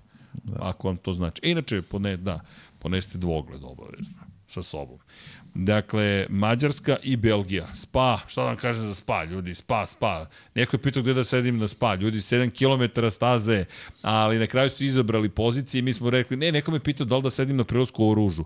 Apsolutno. Dakle, ljudi, to tamo gde je kompresija, kad se nabije bolid maksimalno da krene uzbrdo, to je spektakl. Pri čemu, to što ćete videti tamo, nećete nigde vidjeti. Zaista, tu vrstu brzine sa takvom promjenom smera kretanja, gde bolid ide praktično, ne praktično, nego bolid ide punom brzinom nizbrdo i uopšte ne pušta gas, nego skreće levo da bi skrenuo desno, da bi skrenuo de, levo, tek onda shvatite koliko je prijanjanje tih bolida. Ja mislim da je to deki baš najbolja pozicija da Ko doživiš ima tako nešto. mogućnost. Ljudi. Da. Fantazija. Inače, po ulaz u prvu krenuli Source, dakle, to je isto dobro. Ba, ili, kom gore, ako sedite, Camel pravac, General Admission, tu su super brzi, tu ima preticanje, DRS se koristi, to je sve lepo. Ne znam, prosto stavelo, nemate da, da, na da Camel sedite. pravcu je generalno pogled na taj pravac. To je kao da si na startnom pravcu. Jest. I to je to. Ali kome treba utisak brzine, to je to. Da, i da znate zašto je lepo sedeti bliže kočenim zonama, negativno ubrzanje možete da vidite, vidite njih kako menjaju smerove kretanja, kako se napadaju, to su sve neke lepe pozicije. Da, i bez obzira na vremensku prognozu, gumene čizme, kabanice i kišobre. Uvek. U Belgiji? Uvek. Uvek. E, dobro, možemo da pređemo na mesec avgust, deki. U avgustu. Da, ovde je s tim, ovaj, tu treba reći, Da. jer poslednje nedelje jula prazna, tu već kreću olimpijske igre. Je tako? Poslednja, Da. da. poslednja nedelja, Poslednja Jula. nedelja, ne, ne, ne, imamo u julu... pošto ja, ne vidimo da... Belgiju imamo. Aha, 28. Belgija, aj, jula. to, tu već kreću olimpijske Da, igre. 28. jula je... Tako da taj moment ovaj, treba uzeti u obzir. da zaboravio sam sada koji je, kada tačno je otvaranje. Sad će 26. bi trebalo da je otvaranje, ako se dobro sećam. 25. I da, 26. jula je otvaranje. Ceremonija otvaranja svečana olimpijskih igara 26. jula. To se sećam da, da smo pričali, pošto je Vanja u novogodišnjem izdanju dao ti zadatke. Svašta je najavio. Svašta je najavio. Nadamo se da ćemo sve to da, da, da, da izvedemo. Inače, olimpijske igre se završavaju samo da kada 11. 11. 11. avgusta, ali da se mi prebacimo s naše strane na jul, ne, ne, na avgust, izvinjam se. Evo ga avgust, tarara, malo da se i odmori. 4. 11. 18. nema ničega i onda Zandvort, šampionat izdržljivosti isto. Nema takmičenja. Reli Finske, 4. avgust, to Topla je već... preporuka. Da, to je, to je baš ozbiljan reli. Hiljadu jezera. To je lepo. Indy i NASCAR nastavljaju svoje takmičenja. Madison, Portland i Richmond, Michigan i Daytona Beach. Ali Zandvort 25. august. Tu imamo najveću pauzu. Ovde inače ćete tek da Pa vidite dobro, ovo je kako će biti. pauza Formula 1, je li tako? Jeste, To je to. jeste. To jeste letnja pauza i tu možete da iskoristite priliku malo da uživate u olimpijskim igrama koje su inače ove godine u Parizu. Jel tako, deki? Tako je, srđan. Nisam pogrešio. Šta da vam kažemo za Zandvort?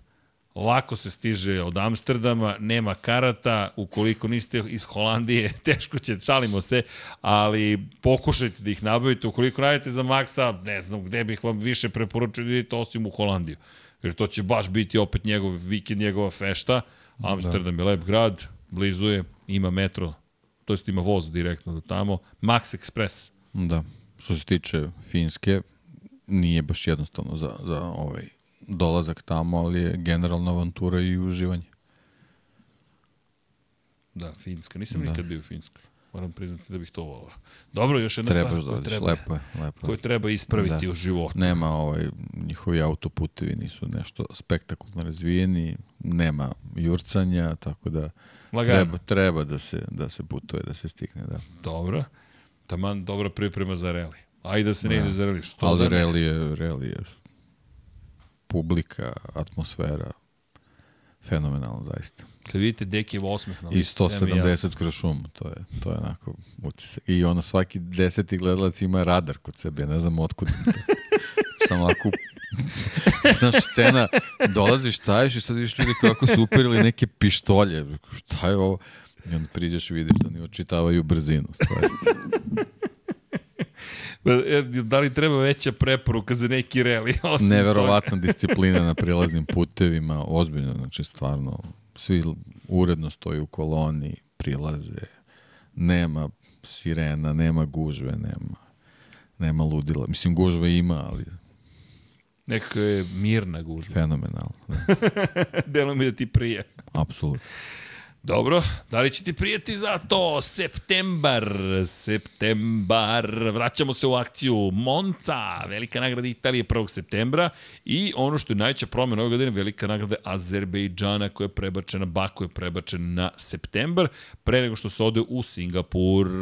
To su tri trke u septembru. Vidjet ćete inače kako izgleda kalendar u završnici šampionata. Izgleda zanimljivo, recimo to tako. Oktobar i novembar u kombinaciji s decembrom baš će biti zabavno. Inače, šampionat izdržljivosti Kota i Fuji se posećuju, to je kraj praktično.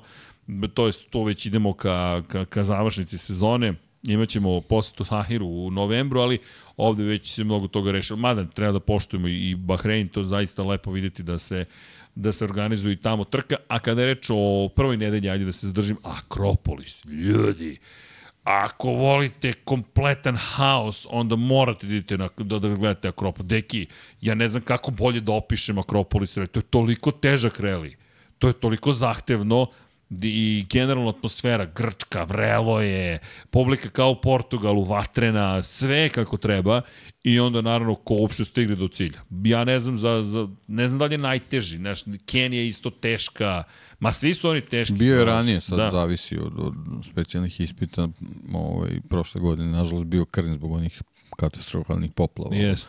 u Grčkoj, ali, ali generalno je lepa, lepa, lepa je atmosfera i ona ponese i vozači, stvarno bude interesantno kako si to lepo rekao, ponese i vozače. Pa jeste, jeste. Mislim da vam to dovoljno govori šta će da se dešava na reliju Akropolisa. A i ono, relativno lako se stiže s ovih prostora tamo. Jeste. Ovde, ovo je lepa prilika po uz Hrvatsku, eto, imate i Grčku, imate i Italiju. Ljudi, eto vam tri relija koja tre, mora da se posete. Milwaukee, Darlington, dobro, to nekako nemamo tu takav odnos prema trkama u, u ovim kategorijama, ali prosto mislim da treba. Darlington bih ja ispratio, Jel Bristol ponovo poslu u Britaniju? Jeste, jest, Darlington, jest. dobro, ne, ne brinite u Americi sve, neka, sve to volimo te Petre, da, ali, ali to je već kraj sezone, tu smo već ušli inače u play-off, kada je reč o, o NASCAR-u, ali da se vratimo na Formulu 1, velika nagrada Azerbejdžana, deki... Dobro, prvo Italija, ovo, to je poslednja da, trka u Evropi, je tako? A, to je, da, poslednja trka, pa Azerbejdžan je euroazijski, ali zvanično posle trka Evrope i Monca. Dobro, dobro, dobro, neki, dobro, dobro. Ja kažem i geografski čak dobro, gledano sve, euroazijski ti, ti si korektan uvek. Ne, nisam čak... Sve, ma sve u redu. ali dobro, pozdravite Paje. Paj duh živi u ovom studiju. A, da, inače, kada je reč o Formuli 1 2024. Eto, imamo te promjene, to smo i prošlog puta spomenuli. Moram priznati da nismo im toliko posvetili bili pažnje, danas se bavimo kalendarom. Baku, eto, 15. septembra, Biće zanimljivo iz perspektive vetrovitosti i temperature. Šta sam te sad nasmeo? Trutin te proziva. Šta me proziva Trutin? Kaže, slušajući srđanove preporuke, treba mi 72 vikenda da sve obiđem. e, još nisam preporučio Moncu trotine, da znate naš dežurni penzioner. Pa dobro, ja sam lako osoba koja se lako uzbudi, očigledno, meni sve ovo nekako. Ja u svemu tome vidim nešto, ja sam opisao šta ja vidim, pa sad svako nek izabere šta odgovara. Eto, to je, to je neki koncept. Hvala Borise. Dakle, Monca, čekaj, sad ću da vratim kadar Monca, nas. Darlington Monca. i Bristol, to obavezno, topla preporuka. Znaš kad sam vodio program web... Samo dobro pogledajte kartu koji Bristol, da, da ne zalutate. Znaš kad sam vodio program Web Festa, i za svaku kategoriju, sad jedna neverovatna kategorija, najbolji website za mo, mobilni, uh, responsive website, najbolji dizajn, najbolji informativni sajt, kaže, neko mi rekao posle, njemu je sve najbolje. Takav sam. Takav sam, šta da, šta da vam kažem, pa vidim lepotu u stvari. Evo, da jeste videli naše cveće? A? Ili će ti život biti cveće. to su neki filmski klasici, Cedeki napravio od cveće. Bio to prelep jedan moment u novogodišnjem programu Infinity Lighthouse-a. Ovo ne mora niko da zaliva. ne mora, super je. Ovde smo bezbedni. I mogli bismo super. stvarno veštačko cveće kupimo za studiju. Mogli bismo. Da, okej, okay, da, da prebacimo nazad na, na kalendar. Dobro. Monca, moram da se vratim u studiju. Ljudi, Monca je blizu Milana, za onih koji ne znaju. Um, ovako ću to da opišem. Pokušat ću da budem koliko toliko politički nekorektan. Ali, pa da, da, da, koliko toliko sam rekao, nisam rekao skroz. Ako kažemo za Austriju da je organizacija na najvišem nivou, rekao bih za Italiju da nije na najvišem nivou. Eto, sam bio politički korektan i da budem nekako. Ljudi, tamo je haos kompletan. Dakle, osim jedne bitne stvari. Atmosfera je jedinstvena još ako pobedi Ferrari nekim čudom, ili makar pruži uzbudljivu trku kao Carlos Sainz što je pružio prošle godine, imate razloga i tekako, da, još više razloga da odete. I sama invazija staze, izlazak na stazu je uvek zagarantovan i taj događaj je takođe poseban. Toplo bih vam preporučio da idete, da, Boris, znam, znam. Iz te perspektive, dobro, smijem mi se i ovde. E, sve je u redu, sve je u redu. E, drago mi je dok god mogu da, da nasmem, ali Zašto bih preporučio? Zato što je atmosfera potpuno drugačija nego bilo gde drugde. Kažem, Ferrari još ukoliko pobedi, to je nešto posebno. Ono na što bih vam skrenuo pažnju, ogromna je staza. Kada kažem ogromna, zaista je ogromna. A ako sedete tamo u lezmo 1, lezmo 2 krivinama, nećete stići do startno ciljnog pravca dok traje zabava. To jest, možda možete, ali imate baš dugo Bolje idete u lezmo u pizzeriju. Od prilike. Inače je u nacionalnom parku prirode, Monca, prošle godine smo imali nažalost situaciju da je mnogo drveće stradalo i to isto prirodne nepogode su učinile svoje, tako da nije baš ličilo na sebe, bile malo kuluždrava, izrašće drveće neće baš za jednu godinu, ali eto nešto što bi vredelo videti. Teško je doći do stare staze ovalne, još uvek je koliko toliko dostupna, ali ono što znam sve više da zabranjuju da se izađe na nju ali možete je videti. I to je mnogo lepo, pošto je to zaista stara staza i Monca je iz te perspektive istorijsko mesto. Osećate duh istorije, parkinga nigde nema, tako da to peške parkirajte negde kad prvo mesto koje vidite vi parkirate pa polako i to je moje iskustvo, parking nikad nije funkcionisao nigde u Italiji.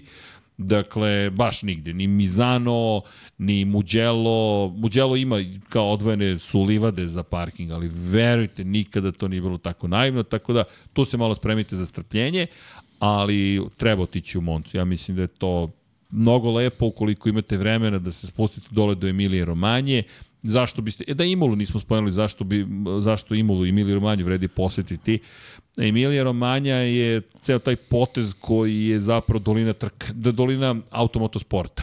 I Emilija Romanja relativno blizu je Bolonje, možete do Dukatijevog muzeja, možete da dođete do ne znam, Firence, na primjer, ako volite umetnost malo, možete da dođete do Muđela ukoliko se posećuju staze. Sutra ćemo pričati o 50 godišnjici Muđela za Moto Grand Prix. To vam je preporuka broj 1 i sve ostalo pa bledi, 50. godina Mugello u Moto Grand Prix sa italijanima koji se bore za titule, sa Marko Markezom na Ducatiju, sa jednim šampionatom koji je ekstremno uzbudljiv, mislim da će to biti baš onako na vrhu, ali kupite karte odmah jer će biti mnogo skupe. Da. Inače, I na putu ka, ka Imoli, eto, s, ovih naših prostora, da kažem, čisto eto, onako jedna moja preporuka, Mantova je jako blizu, tamo je muzej Tacija Novolarija. Treba i to obići, a Mantova je prelep jedan stari grad, onako, koji je potpuno nekim zidinama, onako, potpuno nestvarno izgleda. Tako da, eto, mislim, sve je u principu, ovo što je Srđan rekao, imate jedan autoput i na svaki 15-20 minuta imate neko skretanje za nešto interesantno što je vezano za automobilizam, tako da, ili motociklizam, tako da, ovaj, eto, jedno onako čisto za razmišljanje ako, ako ovaj, ste već bili pa ono stalno posećujete ista mesta, eto malo možda da se, da se promeni nešto. Monca nam zatvara, kao što si rekao, evropski deo sezone. Da, u stvari, izvini, imala. Ovaj, bitna stvar ove godine, bit ćemo blizu kalendarski ovaj, obeležavanju 30 godina od pogibi Ayrtona Sene, tako Jest, da, da to... imaće imala i verovatno i taj, taj moment ove godine. Čekaj da vratim maj. Evo je, Emilija Romanje, 19. maj. 1. maja će biti 30 godina kada je izgubio život Ayrton Sena. Gde prođe tih 30 godina, ne znam, ali je prošlo. Tako da da, bit će verovatno obeleženo na jedan poseban način. Sve to što se desilo tog tragičnog vikenda, Roland Ratzenberger takođe izgubio život tog vikenda, stravičan incident imao Rubens Barrichello i generalno jedan crni period, ali da, biće, biće posebno verovatno. Povređeni navijači, Jest. mehaničari, baš je bilo loše. Jest. Zato se nadamo da, eto, da, da, da, da, da, da će se nastaviti na unapređenje bezbednosti. To što sam rekao na početku, s jedne strane te oduševljava reli koji je opasan, s druge strane, uf, bolje ne. Inače, da Italija kada se završi, kratka pauza, onda Azerbejdžan, Singapur. Što se tiče VRC-a, Čile, ljudi koje u Južnoj Americi, eto... Idemo. Idemo, idemo kod mog brata. Svi kod topla njega, preporuka. Na, topla preporuka. pa, da se nadovežem, izvini na ono što si ti rekao na početku. Dok se vozio u Čile, u Dakar, Jest. jel te, jel bilo dobro? Jeste. Molim lepo, kako da ne preporučim? Ali šalim se, ne mogu da preporučim, jest. samo prosto meni je to drago, pošto je moja porodica sada i čileanska porodica, tako da meni to dođe baš onako toplo. Baš mi, baš mi je lepo kad to vidim. Domaći reli. Domaći reli. Pa da, pa vi koliko domaćih relija. Singapur, dakle, standardni već neki period. Azerbejdžan, kažem, bit će mi zanimljivo da vidim prosto kako stvari... Ko će pobedi da, Ferrari u Singapuru? Ko će pobedi Ferrari, da, da, ali čekaj, vidjet ćemo da li će dalje da skreću dobro pod uglom od 90 stepeni. Da li su zadržali svoju moć i da. prednost? Znaš, onda nju i dizajnira bolid sa, sa, sa, sa, najboljim skretanjem pod uglom od 90 stepeni. Ali, sa velikom moći ide mnogo odgovornosti. O, i bez, mo, bez kontrole snaga, kako beš ono? Snaga, snaga bez kontrole. Bez, ne znači ništa. Spider-mane. E sad, ovo ću da spojim zapravo... Pirelije. Da li, tako je, tako je. Sa desne strane imate spisak trka za NASCAR, Taladega, Charlotte, Las Vegas i Homestead, tako je. Koji je datum? Taladega? 6. oktober. 6. oktober. 6. oktober, jeste. Ali, obratite pažnju sada na ovo. Se, dakle, kada pričamo o oktobru, imamo dve nedelje prazne u Formuli 1, što moram priznati da mi je bilo malo neočekivano. S obzirom na činjenicu da sam bio siguran da će se tu dešavati zapravo sve. Evo kao praktično. da ste pogrešili, kako izgleda, ili nema ništa. A, jel ti, jel ti izgleda kao da smo pogrešili? Ali ne, ozbiljno. Pa, ozbiljno. Ali da li, Neko je pogrešio. a, da li si siguran da smo pogrešili? A? Šta misliš? Ne znam, kažem utisak samo kad vidim ovako prazno. Dobro, uh, utisak te do nekle ne vara, ali sad ću ti objasniti, sad ću ti kažem zašto, da budemo u miksinom duhu. Ajde. Sad ću ti kažem zašto, zato što zapravo, deki, ti si delimično u pravu. Ili ti, kada ove stvari prikažeš i kada doživiš sledeće, da ti se spajaju zapravo, jel primećuješ ovo? Amerika, Meksiko, Brazil. A ne vidim zbog, A, zbog kamere. Zbog kamere. Treća trka za redom ti je Brazil. Dakle, šta imamo? Imamo Ameriku, Meksiko, jednu za drugom i odmah posle toga dolazi Brazil. I to ti je prva serija od tri trke uzastopne u kalendarskim vikendima koje čeka Formulu 1. Od 22. septembra do 20. oktobra nema ničega. Dakle, mi govorimo sada o ozbiljnoj pauzi, međutim, završnica je zato žestoka. I dodaću na, na celu ovu priču da se tu ne završava zapravo ova situacija. Kao što rekoh, mi zapravo imamo situaciju u kojoj je sezona tako organizovana da se završava još jednim takozvanim triple headerom, da ne kažem troj, sa dve trostoke trke i mislim da će biti uzbudljivo svakako. Ne znam kako će biti timovima i ekipama, pošto će biti ozbiljan zahtjev Da, samo da pojasnimo ovo USA, to je Texas stvari. A, da, to je Texas, to je Kota. Da, Kota. Da, da, Kota, Kota, da, nego da, velika da. da, Sjedinjenih američkih Da, da, država, da. pa smo je zato tako obeležili. A evo ti sad pogled, evo ga, novembar, dakle, Brazil i dole pred dnu Las Vegas i kažeš, pa dobro, Las Vegas, i onda dođeš do toga da zapravo u decembru imaš Katar i Abu Dhabi. Što će reći, šest trka imamo u ozbiljnim nizovima. Inače, ako pogledaš novembar kako izgleda, izvinite sad malo što tiltujemo levo-desno, ovaj novembar se slabo vidi, ali opet dve nedelje pauze u novembru i onda trailing trka. Znači VRC se završava u novembru, Da, a IndyCar? IndyCar se završio inače u, u, U oktobru, oktobru. tako. Tako je. Ne, IndyCar se u septembru završava. Moja greška, izvini. IndyCar prvi završava svoju sezonu. Samo da proverim da nisam i tu pogrešio. Pogreši A čovjek. NASCAR se tek zahuktava. 15. septembra se završava Indy. Indy to kao Da, stara Pa formula. zato što NASCAR završava, ulazi u... ne bi, ne bi imali Niko gledanost. ih ne bi gledao, da. Bukvalno ne bi da, imali mislim gledanost. da je to. Da. Ali ovo je meni fascinantno zapravo ti kada pogledaš da imaš praznine ovakve u Formuli 1, da nemaš ništa 29. septembra, da nemaš ništa 6. oktobra, da nemaš ništa 13. oktobra, čudan kalendar. Za mene čudan kalendar, moram priznati da, da, da mi je delovalo kao da, kao da smo pogrešili. Pa i prošli put kad smo čitali, pa gledam kalendar, pa čekaj, smo negde pogrešili? Nismo. Imaš ogromnu pauzu. Bukvalno. Dakle, u septembru poslednja nedelja nema ništa u Formuli 1, dve nedelje u oktobru nema ničega i dođeš do toga da onda imaš dva puta po tri trke. De- Gde da idete? Svogde, naravno. Ali šalu na stranu, moram ti priznati da mi je baš bilo šokantno kad smo pravili kalendar i kad smo gledali, ok, šta će ovde sad sve da se dešava, nemam pojma, deki, ali šest trka sa, baš su onako kompaktno nabijeni. Nabijene, zapravo. Pa dobro, mislim, oni imaju neko iskustvo već od ove sezone, imaju računicu, tako da jednostavno, ono što smo pričali, spektakl je postao pre, pre samih trka, tako da jednostavno to je, to je ta nova realnost i moramo tako da se da se postavimo prema tom kalendaru. Znači, generalno su ti, ti ovaj, momenti su najvažniji i tako će se od sad to i formirati. Da, deluje da je da je ovo prosto u uvodu ono sledeće, međutim ja ću se vratiti na Kale Arovamperu i njegovo pitanje, to je njegov, njegov, njegov potez da ode praktično u penziju. Vratit ću evo oktobar, dakle ovako izgleda oktobar, sa desne strane možete vidjeti eto, Homestead, kraj priče, kada je reč o, o novembru, Martinsville i Phoenix za NASCAR, ali za Formulu 1 Brazil i onda dve nedelje pauze pa Las Vegas i onda posle toga, kao što smo rekli, decembar, Katar i Abu Dhabi. Pre čemu u Kataru imamo i sprint. To je predposlednja trka sezone, ajde da se radimo će biti uzbudljivo pa da će se završiti, ali pazi, Dve trke u decembru. Da, dve trke u decembru. A počeli smo 2. marta sa trkama. 29. februara je prvi datum kada je reč o treningu, 2. marta počinje trka. I pazi, pazi kraj kako je sabijeno. Šest trka, bum, bum, bum, bum, bum, bum, bum. I ogromne pauze između.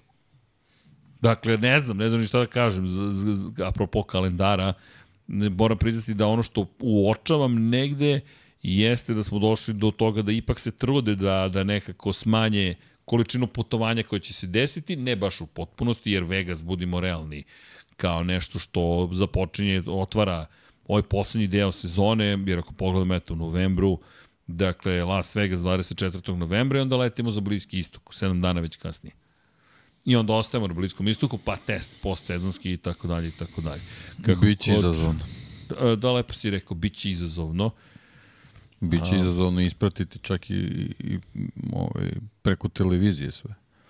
Pa moram ti U sve priznati, sportske događaje koje imamo. nisam hteo da sad ubacim u celu priču još i Moto Grand Prix, ali ima mnogo poklapanja kada je reč o Moto Grand Prix. Konkretno, poklapanja za Formulu 1 i Moto Grand Prix kreće već 10. marta, poklapanje. Dakle, to je prvi trkački vikend za MotoGP. Tu imamo F1 i Moto Grand Prix zajedno. Zatim, sledeći trkački vikend, 24. mart, poklapanje Australija, Portugal. Zatim, Japan, Argentina 7. aprila. Zatim, poklapanje Monako, Katalunja. Zatim, poklapanje Austrija i Holandija. Velika Britanija, Nemačka. Tu onda imamo par situacija gde nema poklapanja i onda na kraju sezone, slušaj ovo, ovo je hit. Amerika, Australija, Meksiko, Tajland, Brazil, Malezija.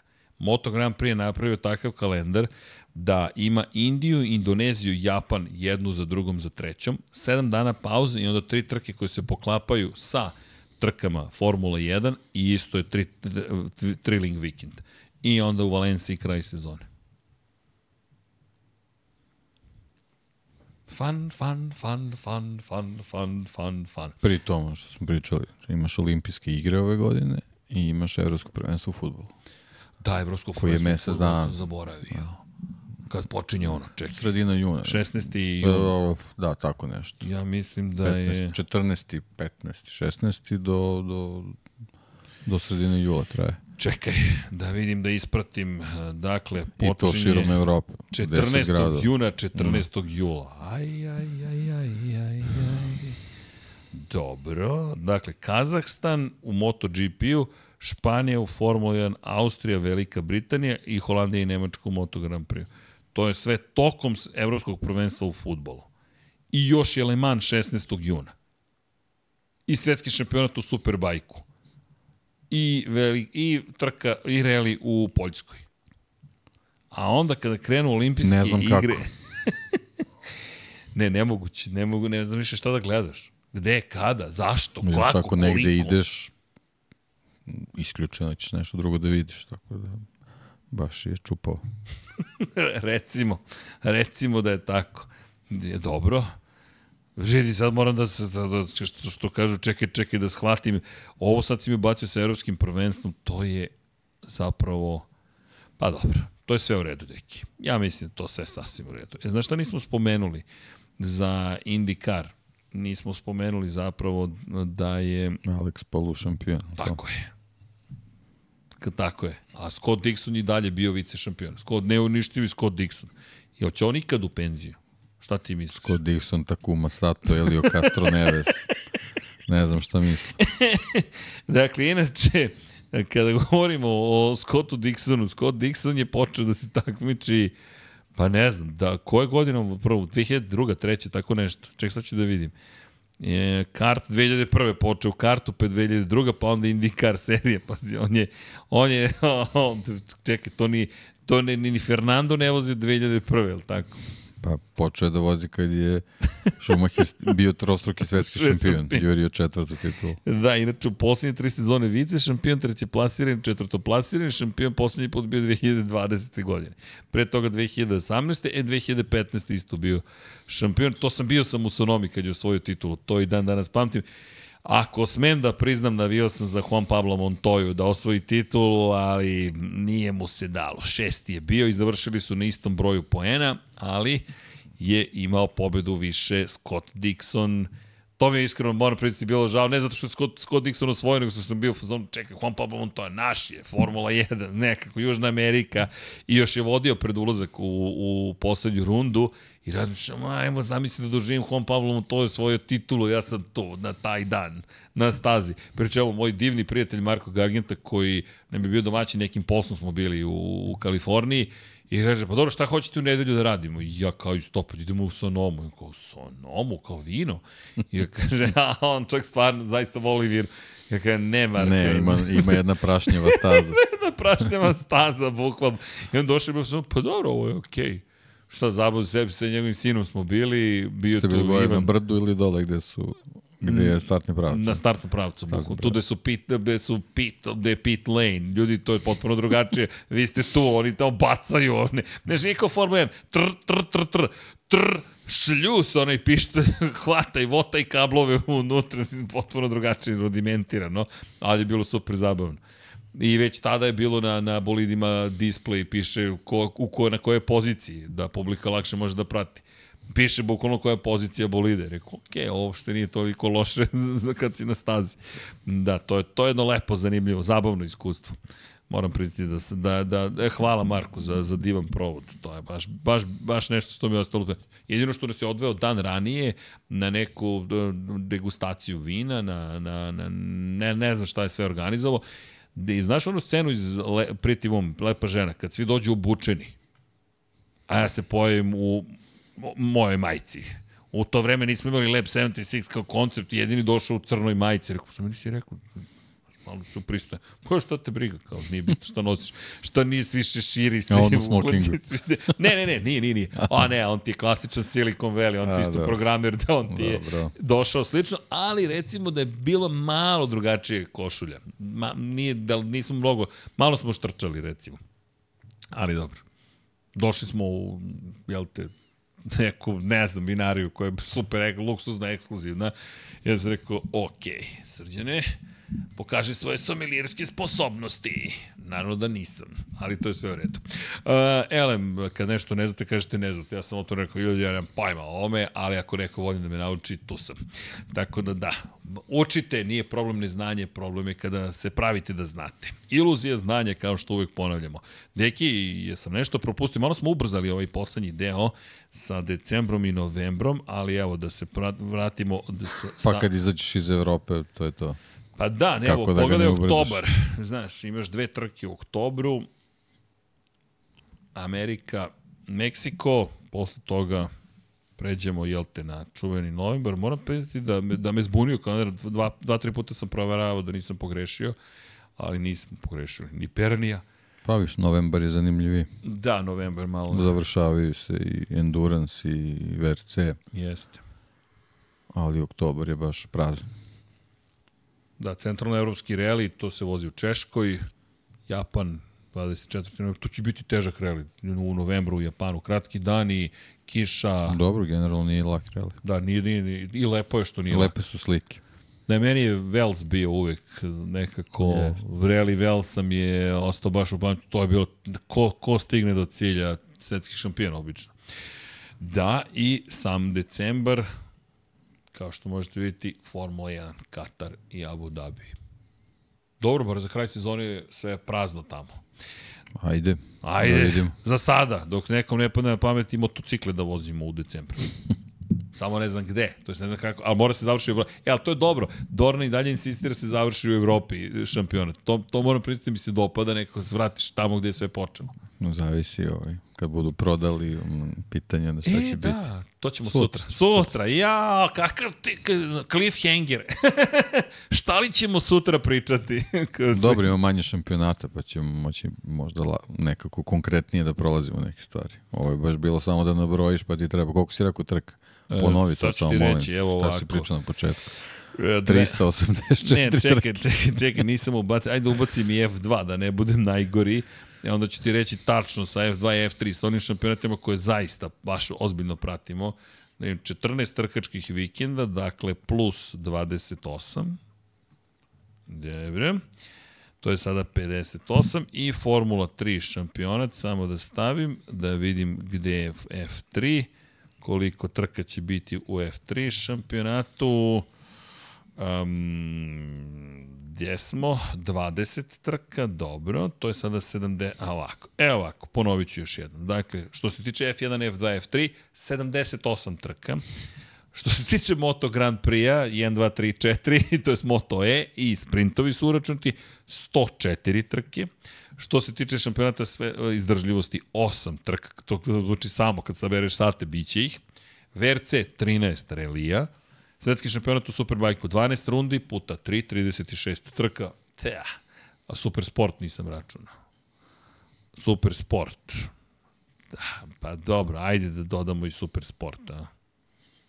Da, dodaj, nema, nema dovoljno. 48, Indi 16 trka, lagan šampionat, NASCAR 36 i izdvojili smo dva specijala, jedan je Isle of Man, to ćemo sutra, i Dakar i sve to ukupno je 305 trka. Čekaj, neki, to je trka dnevno. Od prilike. To je trka dnevno. I mi ćemo sve to da Tim što su to kao neki da kažeš značajniji šampionati. Formulu E nismo ubacili. Na kao, Formulu E. Znaš, recimo koja je isto kao Ipak, FIA svetski FIA šampion. svetski šampionat.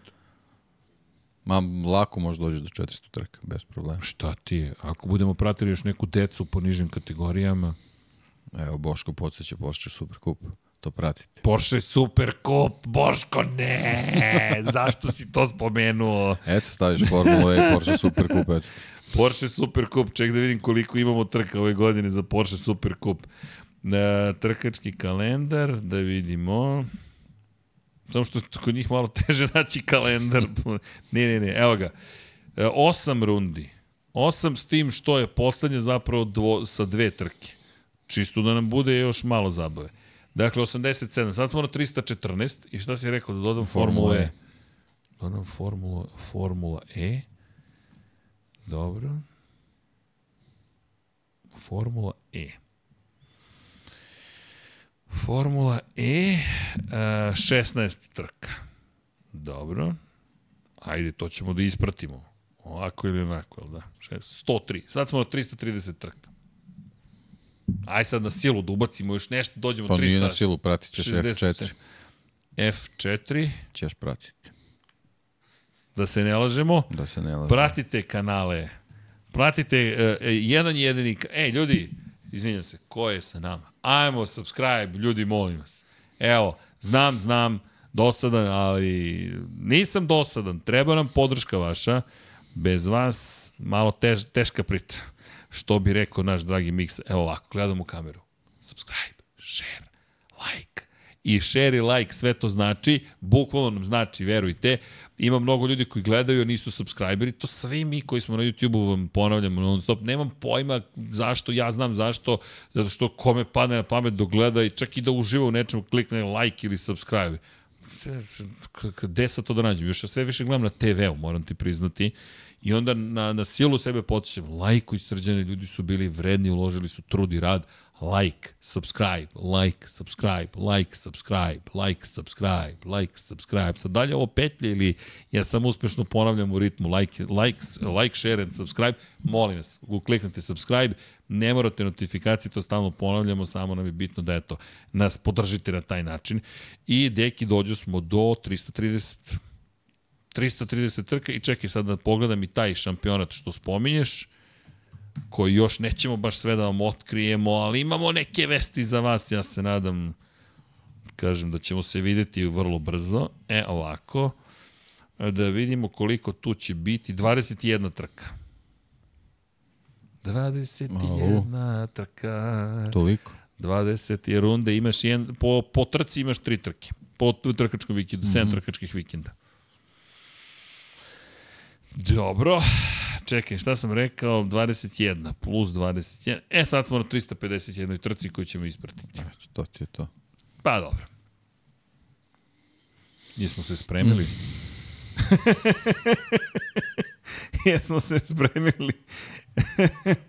ima, ima, ima trka, ima više trka nego nam izbirno godina, što nije baš često situacija. Ali dobro, da.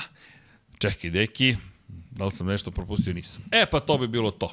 Kalendar. Ili ima neko neko pitanje da kaže nešto, da nas pozdravi, da nam mahne, ili bilo, ili moja mama još uvek tu, ili odustala žena. Nisam primetio. Negde na početku se javila i to je bilo to otprilike. Mm. Posle toga otišla svojim putem. Naporan je kalendar, pa je odustala. U, ne, kalendar, moram ti priznati, ja sam mislio čemu ćemo da pričamo, kao proći ćemo brzo kroz kalendar i to će biti to, ali, ali nije takva situacija. Situacija je malo drugačija. Dobro. Čekaj da je nađem sada gde sam. Nesto, nesto mi je go live. Dobro. E, tako. Dobro, Extreme E, BSB, North Talent Cup, A dobro, DTM, može svašta, Red da. Bull Cup, Novajlija, trke kamiona, sve zajedno ima Svašta sve. može se ubaci. da. Dobro. Biće negde oko 400 trka. Samo da pomenem, ovde, ove godine Max nema pobedu. Još. A, imam pitanje za mene. Da li ću ići... Da li ću ići na... A? Čekaj, srće ću ići na Brana. Je ne sais pas. Jel to, jel ste me sad e, neku foru ubacili, Mr. Dome, ili me pitate sad Brian Cox, e, pa glumac ili ko to je? Mislim da je DJ, a neki, jel tako? A ne, profesor, to ti je profesor Brian Cox. Ima, on se čovjek bavi univerzumom. Ako na njega mislite, sad, sad mi je sinulo, jel dolazi u Beograd? Čekaj, sad moram da googlam. Brian Cox, Belgrade, čekaj. To je fizičar, on je čuveni fizičar, stani, stani, stani. Brian Cox, 20. MTS dvoran, nedelja 7. april. Ček da vidimo u kalendaru. Ali hvala za to. O, ovo je Mr. Dome. Da vidimo, sedmi, velika nagrada Japana, pff, to završim ujutro i Brian Cox, Horizons, A 21st Century Space Odyssey. Dobro. Šta je sad, je to film ili on dolazi u posetu? Ju, ju, ju, vidi, ovde se već je, nije rasprodato, skoro pa da je rasprodato. A dolazim sigurno, nema što da brinete. 100% da idemo to. Te nedelje 20.00. Hvala za, ovu, za, za ovo zlato. Ništa, deki, ja mislim će morati Kosmos jedan da uradimo. Barem jedan. Dakle, tačno kad je Japan, ček da sklonim Japan. Hvala na pitanju, Mr. Dome, eto odgovora, hoću. Jao, da, zaboravili smo Formula 1 Akademiju. F1 Academy. Ti si zaboravio. Jao, a to ćemo možda, da to ćemo možda i komentarisati. F1 Akademija, 2024. Ček da saberem sad i to. E, dobro, e, to je 16 trka još. Pa možeš tako da kalemiš. Pa ne, čak ni ne kalemim. Možeš i do 500 da dođeš. Evo, 367. I trka dnevno. A ima 366 dana, je tako? Da, 366 dana. A, da smo li... predstupni ove godine, jesmo. E, šta smo? Predstupni. Jesmo. 29. februar. E, E, da vidimo, ide li Srki u Katar na otvaranje MotoGP? Znam li hoće li sutra biti live, pošto na vaše piše da će biti premijera. Biće premijera sutra, sutra ćemo Deki ja da snimimo, e, zato što je Mile zamolio da snima u 21.00 svoj podcast, on redko radi uživo, a Mililić je naš dragi prijatelj i čovek koji snima u našem studiju Jao Mile podcast, tako da smo da smo rekli ok, ne da smo rekli ok, nego prosto nije tolika drama, ja se nadam, da često smo u live-u, tako da ćemo biti u live-u one tamo nedelje, a možda će biti još neki Lab 76 uh, live. Trebali ste nazvali podcast pod kupolom umesto kosmos. nije loše, nije loše, Almire. A da li idemo u Katar na otvaranje Moto Grand Prix sezone, nemam predstavu, zaista. Mislim da neću ići zato što se poklapa sa Formulom 1. To je moj, to je, a to je samo moj utisak, ja to ne odlučujem To odlučuje sport klub gde idem ili ne idem. Tako da Saudijska Arabija je tada čisto sumnjam da ću, da ću biti na otvaranju sezone. Žao mi je, volim da odem na otvaranje sezone, pogotovo Katar, ali ljudi, ne, ne znam, iskreno, to će da odluči sport klub. Um, Mirza Smajlović, komentar na crash test Alpine i Red Bulla, koliko će uticati na razvoj. Pa spomenuli smo samo u emisiji pa usporava razvoj usporava svakako. Mislim, to je ono na prvu loptu. Da, koliko, to ne znamo. Nema i oni pretarano mnogo dana za sve, ali generalno kad nešto ne ide kako treba, usporiti sigurno. Da, inače kada pričamo o tome generalno, povela si tema ovih dana šta se to desilo, šta se to dešava kada je reč o testu koji je imao zapravo Fernando Alonso u DTM-u, s obzirom na, da je kupio prosto automobil iz 2019. godine, ali ne znam da li bih nešto sada tu pravio neku priču od toga, prosto čovjek kupio automobil, ne znam da li se nešto krije iza toga ili ne, činjenica je da, da, da vole trkanje, vole volane, vole automobile, ne, ne, ne vidim neku, neku veliku priču. Mislim da je izmišljena priča zato što je pauza u, u, u saobraćaju i nema ničega do, do, do početka marta praktično. To će brzo doći. Tako da, moj utisak je samo da je prosto tema bez teme. A kada je reč konkretno o tome da će nazadovati, pa da, izgubljeno vreme. Negde naše, mi smo se šalili malo u novogodišnjem specijalu za Red Bull, to nije nikakav problem, verovatno ima još jednu šasiju spremnu zapravo Adrian Newey, ali činjenica je da vas to pomera i da morate da čekate sada da vidite koja će struktura na kraju biti prihvaćena i koji će to biti oblik. To je neki naš utisak. Da vidim još pitanja. Kada je Race of Champions? E da, a, gde će biti na Moto, na Moto GPT trka SK Ivan Rebac. A, mislite na kome SK će verovatno biti? Ne znam, to se odlučuje nedelju pre nego što se saopšti m, raspored. Mm, da, Moto Grand Prix se poklapa u Kataru, da poklapa se.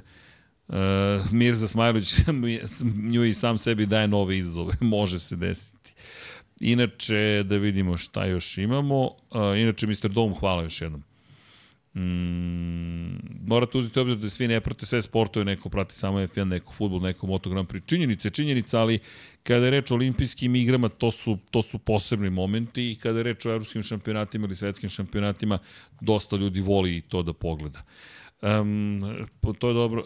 Uh, Almir pita poklapanje samo isti vikend ili poklapanje vremena trka. Kada je reč o Moto Grand Prix-u i poklapanjima, ne bi trebalo da ih bude uh, kada je reč o Formula 1 i Moto Grand Prix. Imali smo tu situaciju prošle godine na poslednjoj trci sezone, što je potpuno bilo bizarno i nepotrebno. Ove godine, poslednja trka godine se neće poklapati. Inače, kada je reč o poklapanjima, neće ih biti u završnici sezone. Amerika je uveče po centralnom evropskom vremenu, Australija je ujutro za Moto Grand Prix, Meksiko uveče, Tajland ujutro, Brazil uveče, Malezija ujutro, kada je reč o Italiji i Aragonu, tu ne bi trebalo da bude poklapanje, to je motogram bi, bi trebalo da se održava zapravo pre trke Formula 1, trka u 3 Formula 1, u 2 sata bi trebalo da bude Moto Grand Prix. Tako da generalno najveća poklapanja će biti zapravo u tokom evropskog, to je letnje sezone, kada su Austrija i Holandija u isto vreme Formula 1 Moto Grand Prix, Velika Britanija, Nemačka. Monaka, Katalunja takođe, ali ponavljam, trebalo bi sve trke Moto Grand Prix da se završe pre početka trke Formula 1. Između ostalog svojevremeno pomeranje na 3 sata popodne je obavljeno što zbog publike u Sjedinim američkim državama da bi imali sat više spavanja i istovremeno iz perspektive toga da se ne poklapa toliko sa Moto Grand Prix, ali Moto Grand Prix bio sekundarno nekako kao poklon na, na celu ovu priču trke kamiona, to da. E, samo da napomenem, ove godine Max, dobro, Srki, Srki pitanja, Mm, da li ćete prenositi F1 sa lica mesta ove sezone? Ne znam. Uh, apropo, je otišao u penziju, od sada samo tople preporuke. Marko, hvala Marko, hvala. Ali dobro. E, gde će biti F1 VRC će biti na SK. VRC će biti na areni, koliko ja znam. Trebalo bi, da. Da, a F1 će biti na sport klubu. Mm, kaže, slušajući Srke, da, Pero nije stavio da, da vidimo. Hoće li samo da napomenem da, da neko, da li još nekih pitanja će biti, da, da mislite li da Formula 2 počinje gubiti smisao, pošto se već idu super formulu koja je po brzini slična F1. Pa nema baš sličnih uh, trka Formuli 1. Super formula je više neki neki, da kažemo, neko mesto gde možete dođete na Pa paralelni šampionat, ali niste u svetskom šampionatu. To je to. Je to. Da. Nema mesta ni za sve, ni u F2. Da, inače, evo pitanje, odgovorili smo, jel, pa, jel pa nema večera zato što ide na Apple Waterpolu? Ne ide, međutim, pa možda će otići na kraju, ne znam, koliko znam, ne, ali Paja baš ima mnogo obaveza. Da, da sinoć smo mogli, kažem, malo duže trajala proslava. Ja juče nisam iskreno mogao, nisam stvarno bio, recimo da sam se opustio za novogodišnju noć, možda nije profesionalno, ali nadam se da razumete iskreno. I Paja, Paja inače rekao za novu godinu, nema šanse da izađem bilo gde, ali on je u subotu se proslavio uz Nanu, videli smo kako na, na, na njega red del, deluje I iz te perspektive ove godine, eto, će to jest ovog, ovog utorka zapravo nema paje, ali mi se nadamo već u ponedljak da ćemo biti zajedno. Vidjet ćemo kako ćemo biti raspored za, za evropsko prvenstvo. Može se desiti da neće biti, ali nema nikakvih promena, makar nekada je, kada je reč o nama. Gde je Pale Srki, nema ga od prošle godine. Pa da, da, da, evo sad kažem. Reki, reci Srki, mamuran sam bio. Pa, pa, pa.